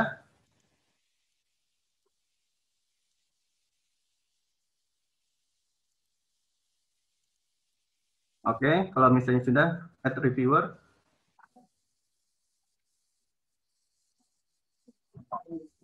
Nah, ini sudah sudah masuk reviewernya, sudah masuk double blind, gitu ya. Sudah masuk double blind. Kalau sudah masuk double blind seperti ini, berarti ini sudah uh, terkirim ke kolom reviewer. Maka kita Selanjutnya langsung masuk login sebagai reviewer. Ini kolom reviewer yang saya sudah buat. Kita saya reload lagi. Nah, ini uh, ininya artikelnya, tampilan artikelnya. Nah, ini bunyinya bahwasanya potensial untuk mereview artikel ini. Kalau sudah benar, kita download bisa. Kalau misalnya kita udah download, dan kita yakin bahwasanya artikel ini tepat untuk kita untuk review, klik yes. Terus kalau misalnya nggak yakin, misalnya kita tolak decline review request. Kalau misalnya kita yakin, kita terima bagian sini. Kalau kita terima sudah. Nah, ini review uh, reviewer uh, tata cara mereviewnya saya belum buat karena ini uh, apa OJS baru. Jadi kita bisa sebenarnya tata cara ini kita bisa lengkapi di OJS ini bahwasanya bagaimana cara reviewer mereviewnya.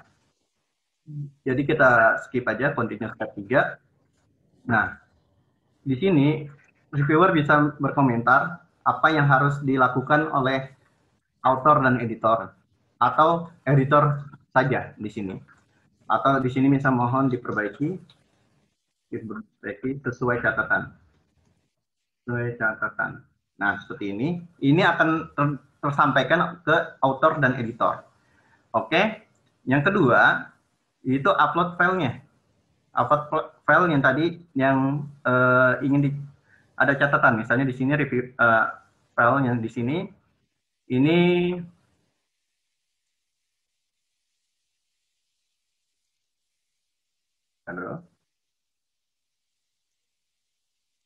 Nah, ini salah satu uh, evaluasi manuskrip yang saya buat di Jurnal Tarabia.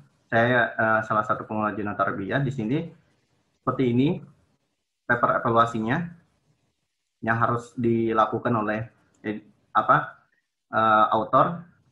Nah, di sini misalnya saya saya ambil ini. Oke, okay, continue. Continue. Nah, kalau misalnya mau uh, tambahin lagi file yang kedua, file yang kedua itu yaitu komentar dalam naskah. Seperti ini, komentar dalam naskah. Menggunakan komen ya, kolom komen. Nah, ini di sini. Kalau sudah, oke, okay, yakin, continue, continue, complete. Nah, ada dua file yang kita sudah mas, uh, submit di sini. Kalau sudah, pilih apa rekomendasi kita. Apakah uh, di review kembali, revisi, atau ditolak, gitu. Kalau kita biasanya kalau udah kayak gini, revisi. Oke, okay. submit for review. Nah, tugas reviewer sudah selesai kalau misalnya dia hanya butuh revisi. Tapi kalau dia butuh ronde kedua untuk mereview, kembali, maka kita uh, tugas reviewer itu belum selesai. Sampai di sini dia uh, sudah tidak ada lagi di submission sudah tidak ada lagi artikelnya sudah terklik checklist review submit. Nah, kalau misalnya nanti dia balik lagi, ada editor ngembaliin lagi untuk di review kembali, berarti di sini ada round 2 di situ. Oke. Okay? Nah, jadi artikel sudah di review, maka balik lagi ke editor sesuai tadi tata cara jalan tadi. Nah, balik ke editor. Nah, editor membaca apa bisa membaca dan lihat filenya. Nah, ini tuh sesuai catatan. Oke, ini nah kita bisa beri rating atau apa di sini. Bisa udah rating, misalnya kita bagian sini confirmation. Oke. Berarti kita sudah thank you, sudah memberi rating. Kalau sudah dan kita lihat uh, review uh, revisinya sudah cukup, langsung kita request ke revision ke author. Jadi kita request uh, author. Nah, di sini sudah ada template email, kalau kita klik bagian bawah, ada resubmit for review. Kalau kita klik bagian atas, hanya revisi saja. Gitu, oke? Okay? Revisinya ini, kita klik bagian file yang kita ingin kirim. Nah, oke, okay. record. Berarti, kalau kita sudah record ini, berarti saya sebagai uh, si penulis, sudah menerima hasil revisiannya. Maka saya kembali dulu ke tab ini Nah, ini udah kembali nih. Ada re review. Nah, ini ada uh, notif revisi diperlukan.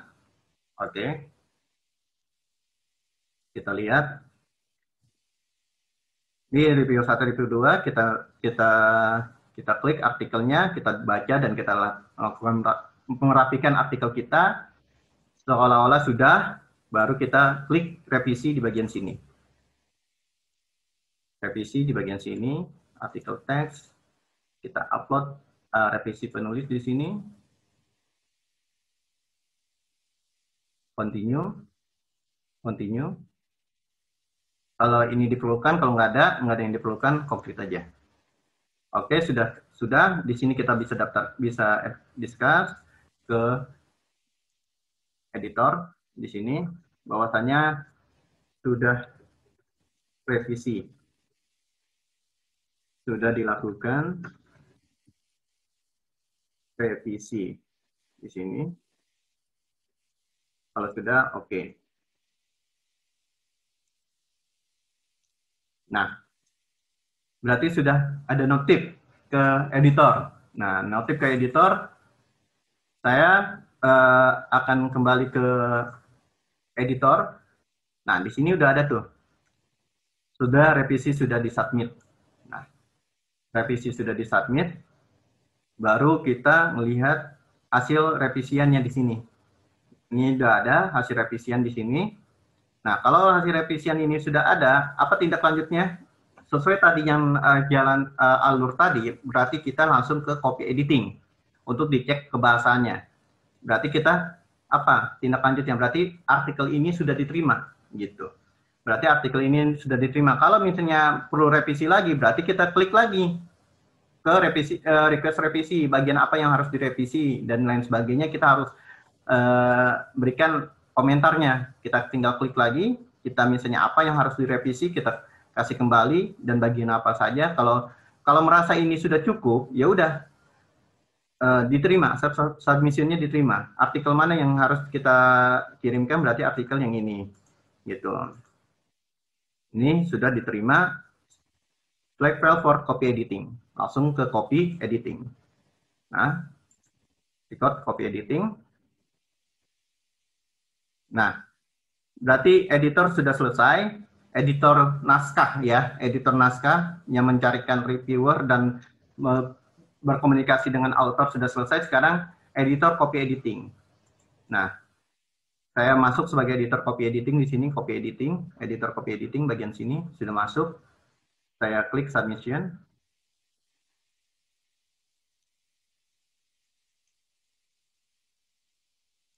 Oh ya, maaf uh, saya lupa lupa ini lupa menambahkan copy editing di uh, sebelah sini yaitu menambahkan editor copy editing karena pas saya lihat di sini masih belum ada berarti nam, editor copy editing ini belum dikasih tugas. Gimana cara ngasih tugasnya yaitu dengan menambahkan bagian sini add partisipan. Nah, di sini kita copy editing. Kita cari nama namanya, nama siapa, misal si A, si B. Di sini akunnya akun copy editing. Nah, di sini checklist bagian sini kita bagian sini apa uh, template emailnya pilih oke. Okay. Kalau sudah Nah, sudah sudah masuk semua di sini. Nah, kita ke copy editing, log, login sebagai copy editor di sini. Nah, ketika copy editor sudah login, nah di sini ada artikel yang disuruh oleh editor tadi gitu.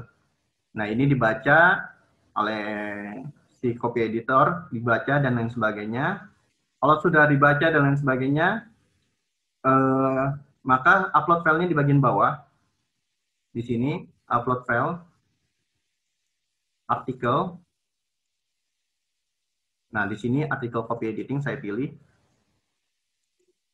Continue, pastikan sudah benar Oke, okay, complete. Nah, di sini sudah masuk artikel copy editing. Nah, apalagi uh, terser, uh, setelah ini apalagi setelah ini kita uh, langsung discuss, bisa juga discuss ke editor bahwasanya uh, sudah selesai sudah selesai. Misalnya sini, oke, kita kirim. Nah, udah rapi bagian ini kita balik lagi editor itu, melihat lagi editor yang, ber, yang bertanggung jawab atas naskah. Kita lihat lagi di sini. Nah, ini sudah masuk. Apa yang harus dilakukan oleh editor?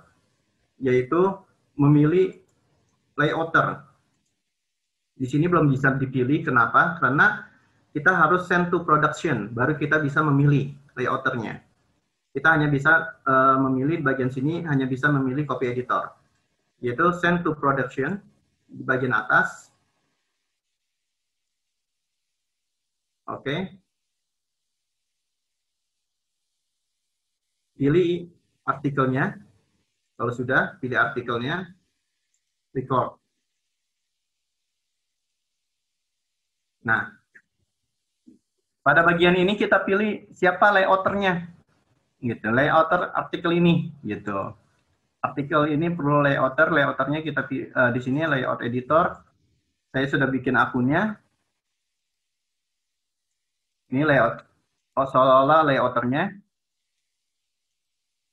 Ini harus di checklist ya. Kalau nggak di checklist, dia nggak akan punya apa hak untuk uh, mengedit dan yang sebagainya. Nah, kita pilih request galley, yaitu untuk uh, apa? Untuk submit artikel yang sudah di layout secara PDF. Kalau udah, oke. Okay. Nah, berarti sudah layouter sudah masuk, maka kita masuk ke uh, sebagai layouter. Nah, ini saya sudah bikin layouternya uh, akunnya sudah masuk, sudah login. Nah, ini ada artikel penulis yang perlu di production, yang perlu diproduksi. Uh, saya sebagai layout, saya baca dan lain sebagainya, saya produksi. Nah, di sini pada bagian ini, uh, seorang layouter harus harus menambahkan file di Galley. Yaitu pertama merapikan ini dulu, dari atas ya. Artikelnya ini apa titelnya benar gak? Abstraknya tolong diupload, diperbaiki dari abstrak dan lain sebagainya. Kalau sudah benar, subtitle opsional. Nah, kontributor kalau misalnya jangan lupa kalau misalnya kita jangan sampai ketika nerbitin artikel itu namanya ada lima, ya lima limanya ya kita harus tampilkan. Nah, terkadang ada artikel yang namanya lima, tapi penulis autornya itu di OJS-nya itu satu. Nah, itu akan rugi empat nama lainnya. Kenapa? Nanti di Google Scholar-nya itu nggak terlangsung kerekam. Maka kita sebagai uh, pengelola jurnal, ketika namanya lima, ya udah penulis di sini tambahkan lagi. Makanya add contributor di sini. Ini untuk berlaku di OJS 3 ya. Kalau OJS 2 bisa langsung di tab summary, edit metadata, itu bisa langsung di OJS 2, tapi kalau OJS 3 bisa langsung di bagian ini add contributor, di sini penulis, penulis satu, penulis dua, kita tambahkan namanya dan lain sebagainya. Seperti ini, kita klik. Nah, ini namanya kita lampirkan dan lain sebagainya, siapa autor, apa translator, dan lain sebagainya. Ini kontributor dari artikel ini. Kalau sudah, metadata, keywordnya sudah. Nah, Galei. Galei ini uh, yaitu PDF-nya. Di sini kita tulis PDF. Oke. Okay kita save aja. Kita pilih artikel teksnya. Kita upload filenya di sini, layout. Oke. Continue. Pastikan dengan benar. Complete. Sudah? Berarti PDF-nya sudah masuk. Kalau kita mau agak, Pak, aduh salah upload lagi tadi. Misalnya, berarti kita pilih bagian ini, kita ganti filenya. Ya, jadi bisa diedit. Jangan lupa, soalnya terus sembunyi OJS 3 itu ada tanda panah, jadi tersembunyi tuh opsi-opsinya. Kalau OJS 2 bisa udah langsung terlihat, kalau OJS 3 lihat tanda-tanda panah, kalau tanda panah pasti bisa diklik, dan klik pasti ada opsinya. Itu. Nah, kalau sudah, di sini kita uh, copyright-nya 2020, lisensi URL-nya nggak usah, isu, Nah, ini copyrightnya 2020, lisensi URL opsional pokoknya, bagian uh, copyright foldernya opsional aja. Nah, ini isunya, isu keberapa? Nah, untuk isu ini, untuk membuat isu ini, editor harus buat isu di awal. Editor harus buat isu di awal. Caranya gimana membuat isu di awal? Maka ini kita diamkan dulu ya si layouter diamkan dulu bagian sini, kita membuat isu dulu sebagai editor. Maka saya masuk sebagai editor. Saya masuk sebagai editor, ini sudah masuk sebagai editor. Nah, di sini kita lihat di sini ada future issue. Nah, kita klik future issue-nya. Nah, ini sudah masuk future issue, baru create issue. Misalnya volume 2, nomor 2 tahun 222 misalnya. Misalnya ini ya ini terus misalnya di sini ada ada kita pakai tematik. Ya udah temanya kita tulis bagian sini kalau pakai tematik. Terus kalau misalnya kita punya cover eh, jurnal kita bisa upload di bagian ini. Kalau sudah step. Uh, dulu.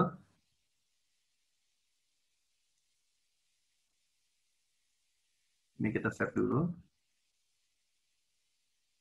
Oh titel maaf isunya di sini jurnal latihan misalnya latihan oke di sini udah volume 2 nomor 222 misalnya ini misalnya aja Oke, berarti si author, eh si author, si layouter, kita balik lagi ke tab layout. Kita masuk ke tab layout, kita reload dulu. Kan tadi isunya baru dibuat kan? Kita schedule lagi. Di sini metadata sudah, galay sudah, permission 2020. Di sini harus kita klik 2020. Tadi sudah isu, kita klik isunya di sini udah ada di jurnal latihan. Kita save. Oke. Sudah masuk. Misalnya di sini page-nya 1 sampai sampai 15. Oke. Data publish-nya misalnya 2020 bulan 11 01.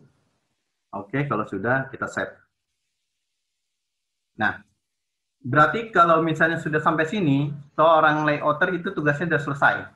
Apa tugas selanjutnya? Yaitu tugas selanjutnya berada di pihak editor. Untuk apa? Untuk publish. Maka dari itu kita kembali lagi ke editor. Kita kita balik ke bagian awal, tampilan editor. Kita masuk Twitter isu kita masuk ke tadi isu kita yang kita ingin terbitkan.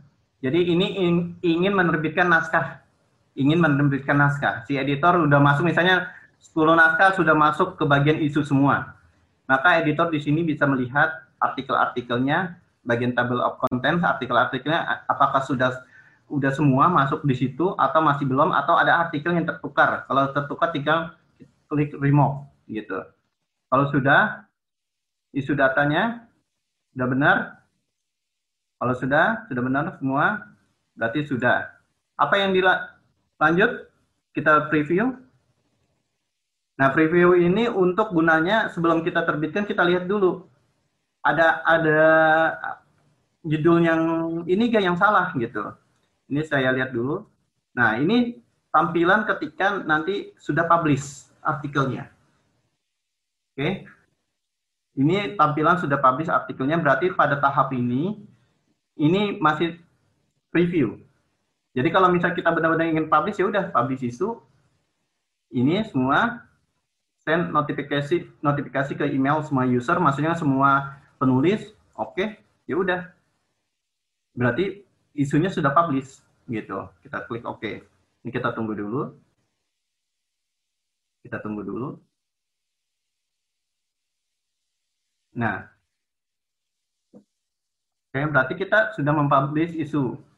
Nah, ini ada di halaman depan jurnal kita.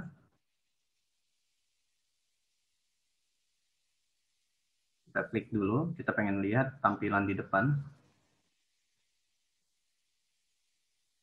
Nah, ini sudah tampil langsung di bagian sini.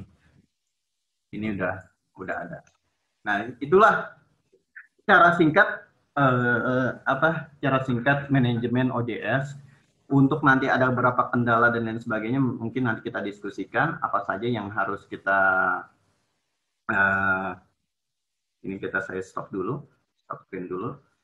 Jadi uh, nanti kendala-kendala yang akan terjadi di ketika kita merekayasa OJS itu dan dan lain sebagainya itu akan kita temukan beberapa kendala dan lain sebagainya gimana kalau naskahnya sudah terbit duluan, kita baru melaporin dan lain sebagainya itu akan ada kendala-kendala.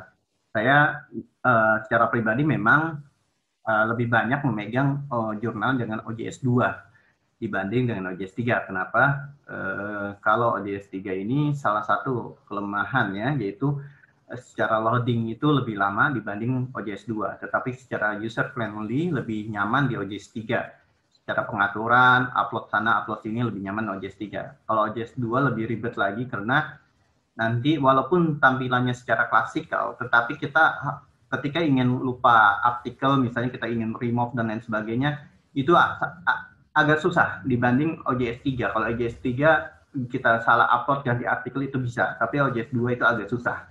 Itu yang jadi problem. Nah, untuk uh, mungkin untuk teman-teman yang ingin ketika mau uh, menyaksikan ini dan mau uh, akreditasi, mohon bagian-bagian tadi yang saya sudah lakukan, bagian-bagian itu dirapikan. Karena kalau itu rapi, dokumennya rapi, ada perubahan dan lain sebagainya, itu untuk untuk tingkat akreditasi sangat signifikan. Tetapi kalau bagian itu ngacak, ibaratnya siapa yang bertanggung jawab sebagai editor, siapa yang bertanggung jawab sebagai copy editor, siapa yang bertanggung jawab sebagai reviewer dan lain sebagainya itu ngacak, itu jadi problem ketika proses akreditasi nanti.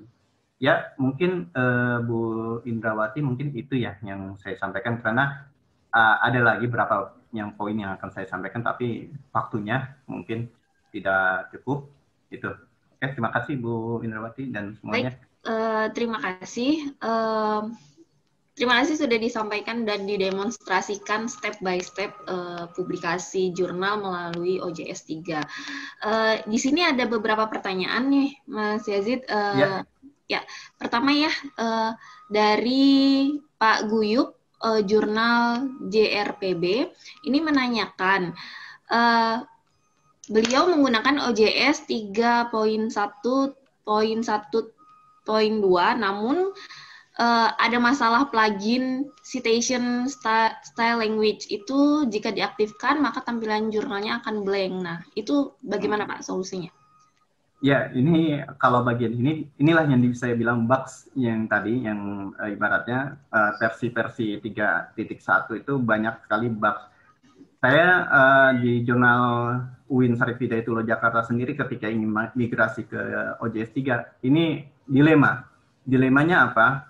Ketika kita ingin migrasi ke OJS 3, itu akan ada problem artikel yang tidak ibaratnya tidak bisa ter, uh, terhistorikan di OJS 3 dan lain sebagainya dan ada uh, konflik misalnya website blank dan lain sebagainya ini udah saya sudah coba beberapa kali dengan beberapa skema yang memang struktur uh, struktur OJS 3 dan OJS 2 itu beda. Nah, permasalahan tadi itu biasanya ada permasalahan di bagian cPanelnya, di bagian apa sih di bagian konfignya, konfigurasinya. Saya nggak belum sampai detail ke situ. Mungkin uh, tata caranya uh, akan saya carikan. Uh, itu saya sering menemukan bagian ini ketika ada ada uh, ininya diaktifkan itu blank. Biasanya terjadi di masalah uh, apa pemilihan PHP-nya itu versi berapa? Biasanya kalau OJS 3.1 PHP 7.2 ya yang diaktifkan yang di bawah 7.2 uh, karena resiko blanknya tinggi. Uh, dan OJS 2 ketika mau uh, PHP servernya 7 itu nggak bisa aktif akan error 500 makanya itu dia harus downgrade menjadi PHP 5.6 itu. Makanya ketika orang server orang IT-nya kurang begitu paham dia upgrade PHP servernya menjadi 7 maka OJS 2 blank. OJS 3 bisa. Tapi kalau misalnya dia PHP-nya harus 7.2 kalau di bawah 7.2 dia blank juga sama. Ada ada strukturnya yang tidak beres. Kayak kemarin saya ketika install OJS 3 ini nih baru saya install. Karena untuk pelatihan ini Bu Indra saya install. Ini apa ada beberapa eh, apa teknik yang ibaratnya yang agak tricky. Saya menginstal di uh, di Universitas A itu tidak ada masalah langsung uh, oke. Okay. Saya install di Universitas B misal uh, kemarin. Ini ada masalah servernya nggak mau menginstal dan lain sebagainya. Saya install di saya masalahnya ada lagi adanya di config-nya yang tadi ada kata-kata on harus di off kan dan itu baru jalan. Nah itu itu jadi harus dili, dilihat ininya harus dilihat panelnya kalau nggak mau mau nggak mau gitu Bu Indrawati. Iya, uh, terima kasih. Ini ada pertanyaan selanjutnya uh, dari Pak Lukas uh, dari Universitas Atmajaya.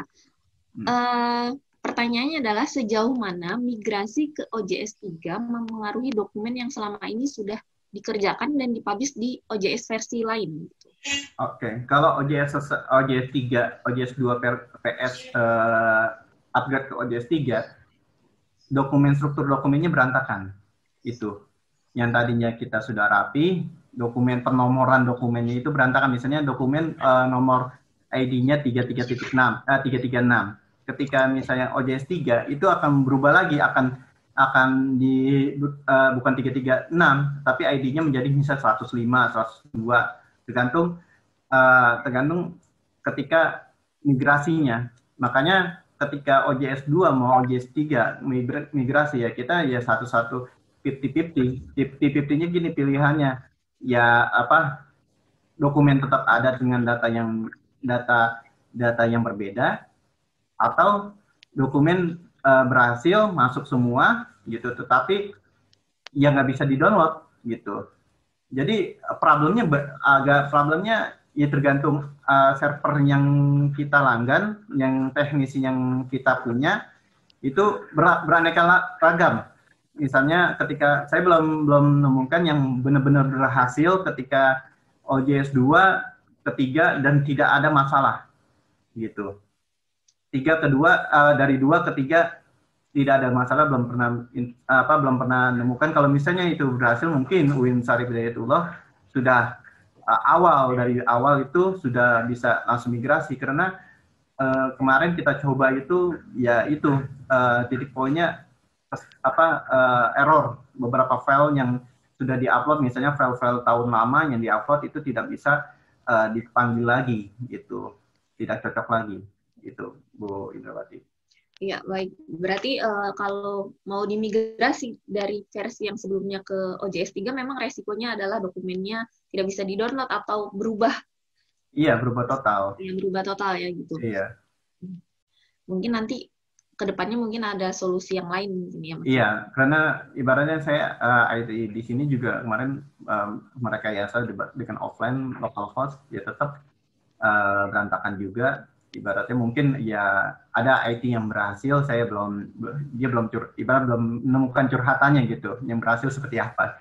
Biasanya biasanya itu tidak di share gitu berhasil gimana gitu tidak di share karena ilmunya mahal kata dia. Iya. Gitu. uh, baik ini masih ada pertanyaan oke okay, siap Laris nih hmm, masih ada nih.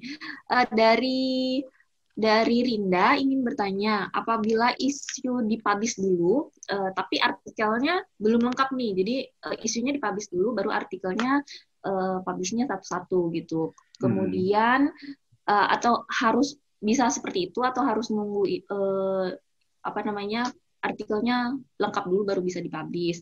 Kemudian yang kedua adalah penghapusan nama autor berarti secara manual atau uh, atau secara manual begitu Pak?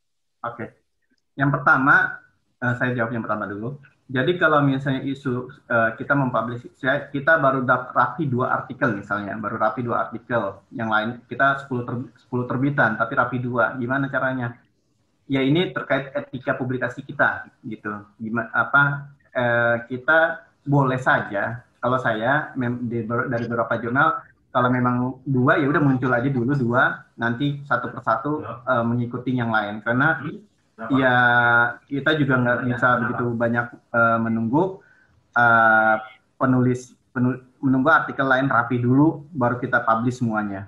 Tetapi ada kalau misalnya seperti hal seperti itu kita lakukan resikonya apa? Resikonya ya ada poin akreditasi yang agak sedikit kurang gitu. Itu aja. Tetapi secara kalau kita melihat secara boleh gak? Ya boleh, gitu aja. Boleh aja. Cuman ya resikonya itu poin akreditasinya sedikit kurang. Makanya kita terkadang ada jurnal yang full artikel dulu, baru publish gitu. Ada yang satu, satu, satu dan lain sebagainya. Itu ada beberapa jurnal yang mengadopsi hal itu. Yang Sinta 2 pun juga melakukan hal itu. Gitu. Yang Sinta 2 pun dari beberapa jurnal ada yang melakukan hal itu satu-satu dulu atau dia sudah 2020 ini dia sudah bisa menerbitkan yang edisi nomor 1 2021. Ya bisa saja, terbitkan saja, tapi itu misalnya uh, dalam tanda kurung masih uh, masih ongoing atau apa gitu. Di situ bisa di, di ini. Itu bisa bisa melakukan hal itu. Yang kedua, untuk penghapusan nama autor ya ya mau nggak mau ya kita dulu kita karena kita baca gitu. Kita baca, kita dulu kita lihat dulu artikelnya, kita hapus identitasnya, ya udah kita upload. Kecuali template yang kita kita berikan kepada autor itu tidak boleh mencantumkan nama dan alamat dan instansi. Nah, tapi resikonya tinggi. Nanti ketika artikel sudah rapi, ini namanya siapa ya artikelnya? Itu akan ribet lagi. Sedangkan si autor ngasih nama di OJS-nya itu ringkas banget. Gitu. Nah, saya bilang kalau buat template tolong cantumkan nomor telepon. Kenapa? Karena penulis penulis Indonesia rata-rata kagak apa untuk melihat email itu agak jarang. Saya sering kejadian tiga kali email nggak ada respon, akhirnya kita telepon baru respon. Dia bilang, mohon maaf pak, email yang saya daftarkan itu emang email yang jarang saya buka. Itu makanya saya bilang template kita tolong cantumkan nomor telepon untuk bisa segera dihubungkan dengan baik. Misalnya segera segera dapat apa apa yang tindak lanjutnya. Itu aja Bu Indrawati. Ya, baik. Nah, jadi untuk uh, penerbitan apakah isi dulu dipublish setelah uh, edisi lengkap itu adalah masing-masing kebijakan dari masing-masing pengelola jurnal gitu ya. Mm, iya. Cuman memang resikonya adalah nanti di poin akreditasi oh. gitu. Iya. Okay. Uh, ini ada yang ingin bertanya langsung. Uh, saya saya persilakan kepada Pak M Taufik tadi raise hand ingin bertanya langsung. Ya. Oke. Okay. Makasih Mbak Indra. Uh, Pak Yazid mohon tanya Pak Yazid. Iya. Jadi kan uh, saya ngelola jurnal dari Maret 2019 memang baru di, hmm. di OJS 3 juga. Uh, kendala di kami uh, maklum Pak editornya kan baru beberapa dan kemudian uh, kami sering melewatkan layout dan di copy editing hmm. uh, yang semuanya saya gitu saya semuanya itu pasti otomatis dari segi akreditasi akan berkurang ya Pak ya. Gimana kalau misalnya agak nakal nih misalnya. Saya masuk juga sebagai layouter, saya juga masuk nanti saya kemudian masuk sebagai copy editing, apakah boleh seperti itu atau memang karena ini balik lagi kendala orang yang mau masih untuk memulai karena belum bersinta kan jadi untuk yeah. memulai ini apakah boleh berlaku ya curang tadi lah bahasa kasarnya gitu Gimana Pak Yazid? Terima kasih. Sebenarnya Pak Topik bukan curang, rekayasa. Gitu, rekayasa intinya. Bahasa halusnya. Jadi gini, uh, kita juga pengajaran saya ngerasain apa yang Pak Topik ngerasain ya. Kita banyak pengajaran tetapi bagian, nah sebagai bagian yang di OJS 3 yang tadi layout copy editing memang opsional. Ada beberapa asesor bilang itu opsional, tetapi ada beberapa asesor yang rigid banget yang bilang itu harus ada gitu ya harus ada jurnal itu harus ada orang layouternya, harus ada orang copy editingnya gitu. Nah, maka dari itu sebenarnya bisa saja tadi OJS 3 ini untuk memanipulasi uh, user itu sangat mudah dibanding OJS 2. Betul. Tinggal, tinggal step kanan login as uh, dan lain sebagainya itu kita bisa menjadi orang tersebut. Maka dari itu Pak Taufik mohon saya bilang copy editing orang-orang copy editingnya itu diatur siapa saja bolehlah kita minjem nama siapa gitu. Mm-hmm. Dan layouternya misalnya itu mahasiswa atau apa nggak apa-apa. Itu bukan bagian dari ibaratnya penilaian layouter itu penilaian misalnya harus Scopus bukan. Mm-hmm. Bukan. Copy editing copy editing kan itu memang struktur bahasa. Ibaratnya struktur bahasa tidak melihat secara uh, konteks apa uh, isi artikel.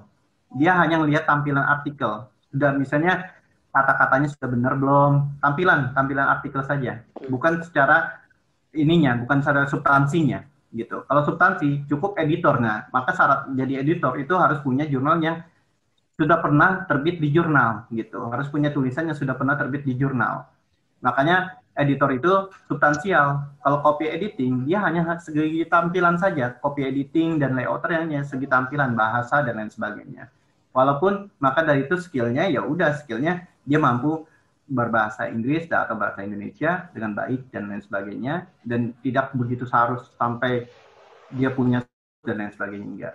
Maka dari itu saya bilang ya udah cak carilah siapa copy editing atau editor editor misalnya kita editor ada tiga ya udah ganti-gantian siapa yang copy editing artikel A siapa yang copy editing artikel B ya udah tinggal di mix aja bagian itu itu bisa Berarti Walaupun bermain misalnya, di user saja ya Pak? Ya, ya, bermain di user saja. Walaupun ya kita ya, uh, saya sedikit perbedaan ya akreditasi Indonesia dengan akreditasi internasional. Kalau Indonesia itu agak kepo disebutnya. Agak kepo hmm. kenapa? Pengen lihat dapurnya. Jadi ketika yang ingin menilai seseorang itu, orang itu pengen lihat rumahnya, dapurnya, gitu. Orang Indonesia. Tetapi orang luar ketika ingin melihat skillnya aja, orang tersebutnya aja. Jadi ingin melihat artikelnya saja. Bagus gak artikelnya? Gitu. Tidak sampai melihat dapur-dapurnya. Gitu. Dia nggak mau lihat dapur kita kayak gimana. Dia hanya melihat menilai orang ya udah sosok orangnya aja gitu. Keturunannya siapa dan lain sebagainya enggak. Itulah agak ibaratnya memang uh, kultur Indonesia dengan luar beda. Makanya ketika akreditasi juga berpengaruh bagian itu. Makanya akreditasi jurnal kita sangat rigid banget karena sampai dapur-dapurnya dilihat. Tetapi ketika kita daftar Scopus, enggak, ya udah tampilan artikelnya. Yang penting artikelnya itu benar-benar bagus, substansinya bagus, dan ibaratnya orangnya itu diversity autornya banyak, diversity-nya apa reviewernya juga dan lima benua selesai gitu. Nggak perlu sampai uh, ke dapur-dapurnya, gitu Pak Taufik. Ya, siap, itu aja pokoknya siap aja. Oke. Okay. Terima kasih Pak Yazid. Ya sama-sama Pak Taufik. Oke. Okay. Ya Bu In dimut masih dimut Bu Indrawati? Uh, ini masih menyambung dari yang barusan di kita bicarakan tentang login S itu ya. Ini yeah. yang pertanyaan nih. Uh, terkait dengan login S. Oke. Okay. Oke. Okay. Bu Indrawati mungkin sinyalnya. Pak Yazid, saya boleh ya. bertanya? Boleh, boleh. Boleh ya. menunggu Bu Indrawati stabil. Okay. Ya, Pak Yazid, gini, eh, kalau saya memang nggak belum pernah pakai OJS 2, jadi langsung OJS 3 gitu. Hmm. Dan memang kami baru mau masuk ya, eh, baru mau launching gitu. Uh. Uh, cuma tampilan ini, tampilan OJS 3, apakah cuma itu ya ar archive gitu ya, kemudian about gitu ya, cuma itu aja nih mungkin pertanyaannya masih simple kali ya saya. Okay. Ya. Um, current archive about gitu ya. Kemudian uh, bagaimana menampilkan plugin-plugin Sinta gitu ya, plugin yang lain gitu. Sudah diklik tapi kok nggak bisa gitu. Okay. Nggak nggak muncul di tampilan depan gitu. Iya. Terima kasih Pak Husni. Ya Bu Indrawati sambil saya nanti ini apalagi tadi pertanyaannya? Potong. Uh, yang tadi ya, uh, ya, itu tadi ada yang pertanyaan yang ter, terkait dengan login S tadi itu lebih aman OJS 2 atau OJS 3. Jadi saat kita login S itu asesornya apakah bisa lihat kita itu yang login satu orang gitu? Sebenarnya kalau asesornya uh, eh, IT-nya paham banget bisa saja. Kalau IT-nya paham banget. Tetapi kalau asesornya hanya melihat hanya melihat bagian tampilan apa tampilan-tampilan seperti itu, ya sebenarnya tidak terlihat. Apalagi misalnya kita tidak melakukan login kalau saya lebih aman ini lebih aman tidak melakukan login S gitu. Tetapi akun si editor, akun reviewer kita tahu semua gitu. Kita masuk dengan akun tersebut. Karena apa? Karena saya lihat asesor ini juga ya manusia juga dia setiap minggu itu ya bisa lebih dari 100 jurnal yang dia dia harus review. Jadi dengan aspek psikologis itu kalau melihat sampai ke situ-situ itu juga itu juga akan uh, apa menyita waktunya. Nah, itu uh, Bu Indrawati pertanyaan yang tadi kata saya lebih baik uh, kita punya apa apal akunnya karena eh, apa akun jurnal manager itu bisa melihat password-password uh, yang ada di ada di apa di jurnal tersebut gitu. Makanya akun kita harus tahu akun editor-editor kita gitu. Kalau akun reviewer ya kita mau nggak mau bisa juga dengan login S akun reviewer itu uh, hanya akun reviewer saja yang saya rekomendasikan. Tetapi kalau yang lain, kalau misalnya ibaratnya kita nggak tahu ya kita tanya, misalnya akun tersebut, editor-editor kita.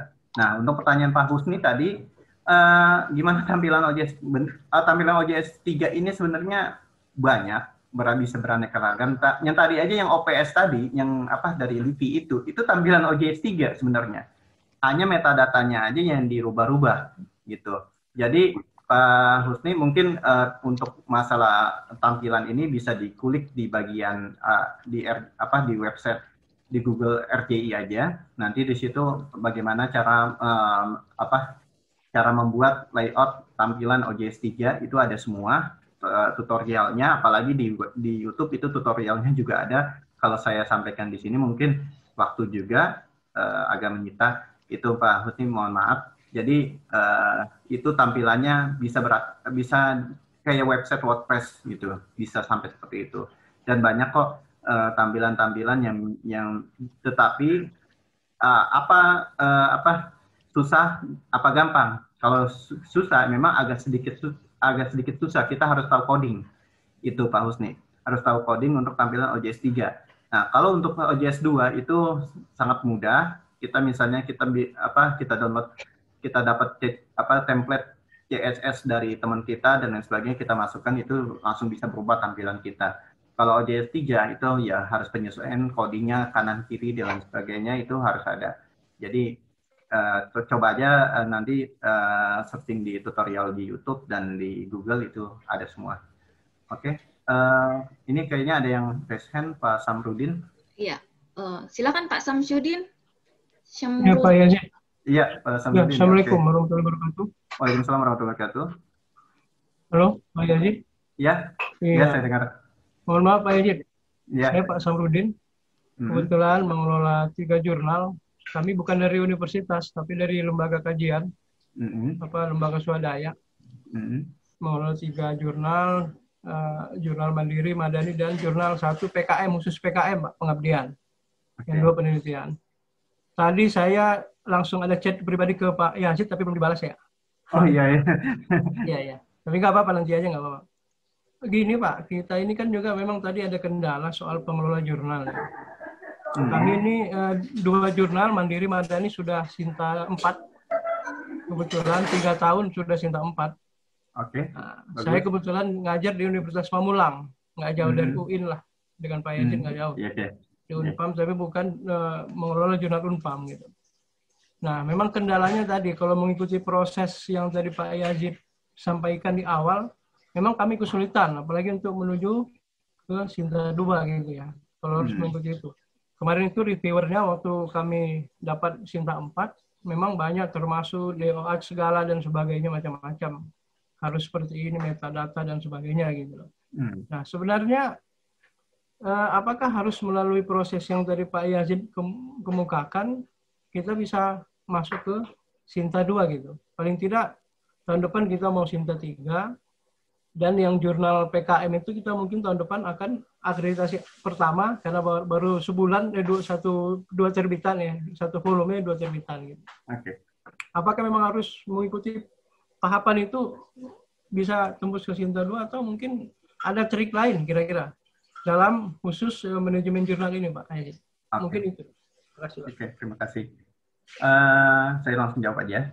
Jadi Pak Samrudin gini, OJ apa jurnal yang terbit itu itu adalah artikel yang terbit di jurnal. Itu adalah artikel yang yang diproses terbit dan sudah proses uh, melalui uh, review oleh reviewer sama itu. Bukan ibaratnya artikel yang asal terbit langsung jadi jurnal.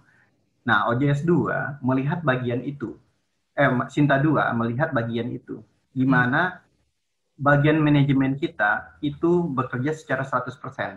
Tadi kan dibagikan apa hmm. manajemen dan substansial. Ya, Kalau manajemen kita 100% di situ nilai sempurna atau misalnya kita dapat 80% dari nilai yang ada di situ hmm. terus 20% nilai substansial kita misalnya artikel kita kurang kayaknya kurang bagus dan lain hmm. sebagainya. Yang menilai bagus dan tidak bagus itu dilihat dari citasi artikel. Hmm. Kalau artikel itu kita bilang tidak bagus tapi ketika di citasi dia ada 100 hmm. belum tentu karena itu pasar pasarnya ibaratnya sangat apa sangat ibaratnya artikel itu sangat bermanfaat bagi yang lain gitu.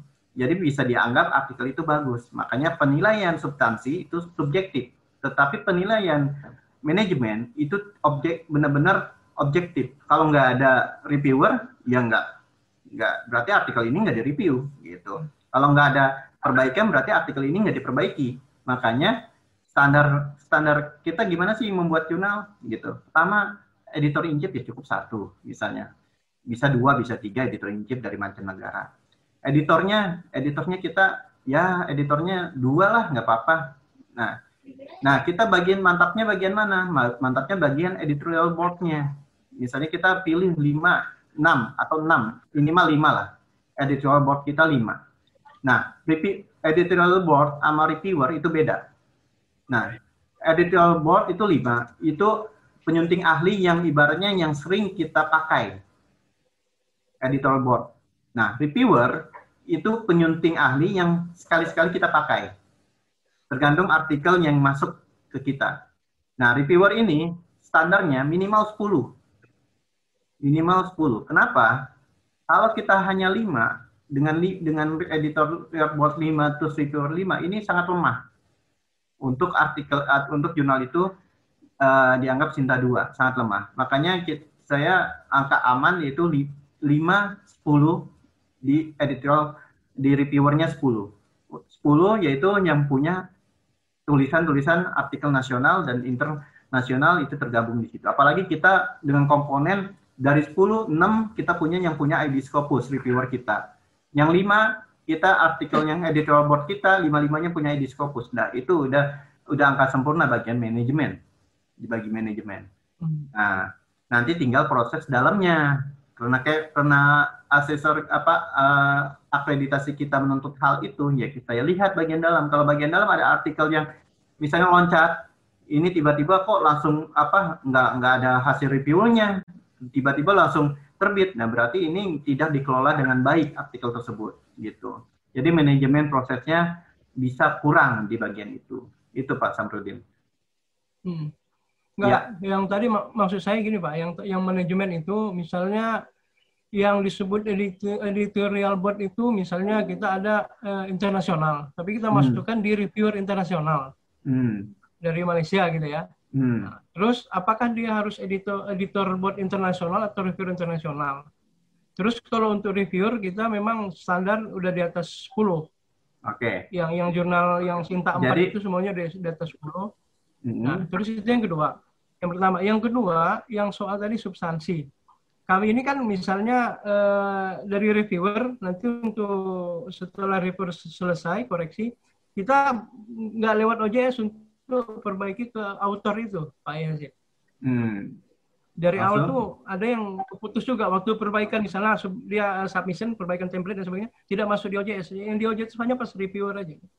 Nah, hmm. itu apakah akan mengurangi nilai di di situ ketika ada uh, penilaian penilaian dari uh, apa namanya uh, reviewer di Ristek ini itu? Ya, ya saya tadi saya balik lagi kan jadi ketika kita menilai bagian manajemen dan substansi itu dua-dua kalau jadi gini kalau nilai evaluasi kita di bawah 70 maka yang dinilai hanya bagian substansi substan uh, uh, bukan sebagai bagian manajemen saja oleh dua orang asesor. Kalau nilai kita di atas 70 maka akan dikirim empat asesor yaitu dua asesor manajemen dua asesor substansi. Nah, tadi yang pertanyaan tadi, kalau misalnya dua asesor itu berpaham beda, misalnya udah itu boleh itu misalnya, tapi asesor yang kedua sangat rigid dengan ibaratnya ya harus ada gitu. Misalnya saya, saya kalau saya asesor saya bilang ini harus ada. Harus ada misalnya uh, autor itu file revisinya harus ada, harus terlampir di situ. Walaupun misalnya ya kan tadi kan loncat tuh loncat. Nah itu harus di, dirapiin aja, ya. bisa, masih bisa dirapikan hal-hal itu. Jadi harus terisi juga. Jadi manajemen proses tadi yang saya rekayasakan, ya setidaknya uh, tolong dirapikan seperti itu. Walaupun misalnya ya layouter, Pak, layouternya nggak ada, ya udah nggak masalah, layouter opsional. Copy editingnya nggak ada, Pak, ya copy editingnya opsional. Jadi editor editor menyambi menjadi copy editing dan menjadi editor uh, menjadi layouter itu tidak masalah sebenarnya. Tetapi ya tergantung siapa asesor yang ada di situ gitu. Walau jadi secara secara secara idealnya harus ada secara idealnya. Tapi kalau kita uh, 50-50 ingin ya hmm. gambling, gambling misalnya gambling ya ini udah yang ada aja gitu. Kita ingin gambling ya udah kita dengan keputusan asesor yang ada gitu. Tapi yang secara idealnya ya harus ada semua bagian-bagian itu yang tadi saya rekayasakan. Kayaknya gitu Pak Saprudin. Samrudin. Ya, ya baik. Hmm. Ya, jadi salah satu yang di refer itu oleh asesor itu soal DOAJ misalnya hmm. kan. Kami kan tidak ada DOAJ. Sebenarnya bukan nggak ada. Kami sudah daftar berapa kali hmm. ke DOAJ, dua-duanya. Terus DOAJ itu ada jawabannya uh, tidak memenuhi syarat karena menampilkan hak cipta yang bertentangan gitu. Okay. Jadi kami agak bingung juga hak cipta yang bertentangan di jurnal itu gitu kan. Oke. Okay. Tapi hmm. gini Pak, saya nggak usah hmm. terlalu banyak. Mungkin nanti kalau ada waktu, saya ingin silaturahmi ke Pak Yazid lah ke UIN. Siap. Siap. Jadi biar siap. lebih. Kebetulan ya, kami kemarin dengan Pak Asep ini, saya lihat Pak Asep di sini ada juga. Cuma Pak Asep kelihatan sibuk masih ada nggak namanya di sini? Pak Asep ya. kan di Unpam juga di Stimik RSA kalau nggak salah. Dulu kami pertama dengan Pak Asep tuh, Asep Erlan.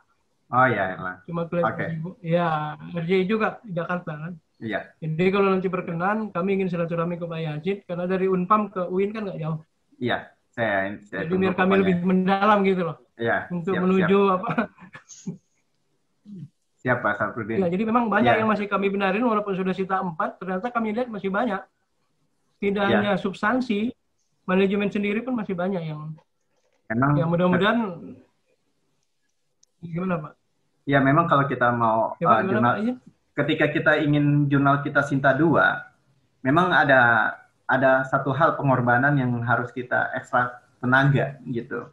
Ekstra tenaga kita ya ibaratnya satu kita uh, waktu kita ya harus fokus di jurnal itu apa yang yang kurang yang harus kita perbaiki apa. Kalau kita setengah-tengah tadi kan kita saya tanya di, di, di pertanyaan awal kita mau cinta berapa?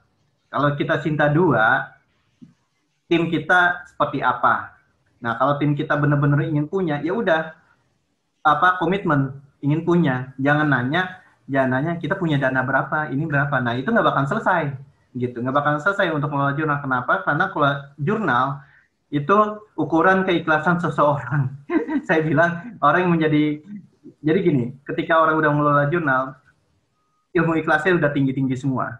Saya bilang seperti itu. Kenapa? Karena ya tahu sendiri berapa sih uh, bayaran jurnal di di setiap fakultas eh, setiap universitas untuk membayar pengelola jurnal? Pasti nggak lebih dari UMR nggak ada gitu itu juga dibayarkan enam bulan sekali.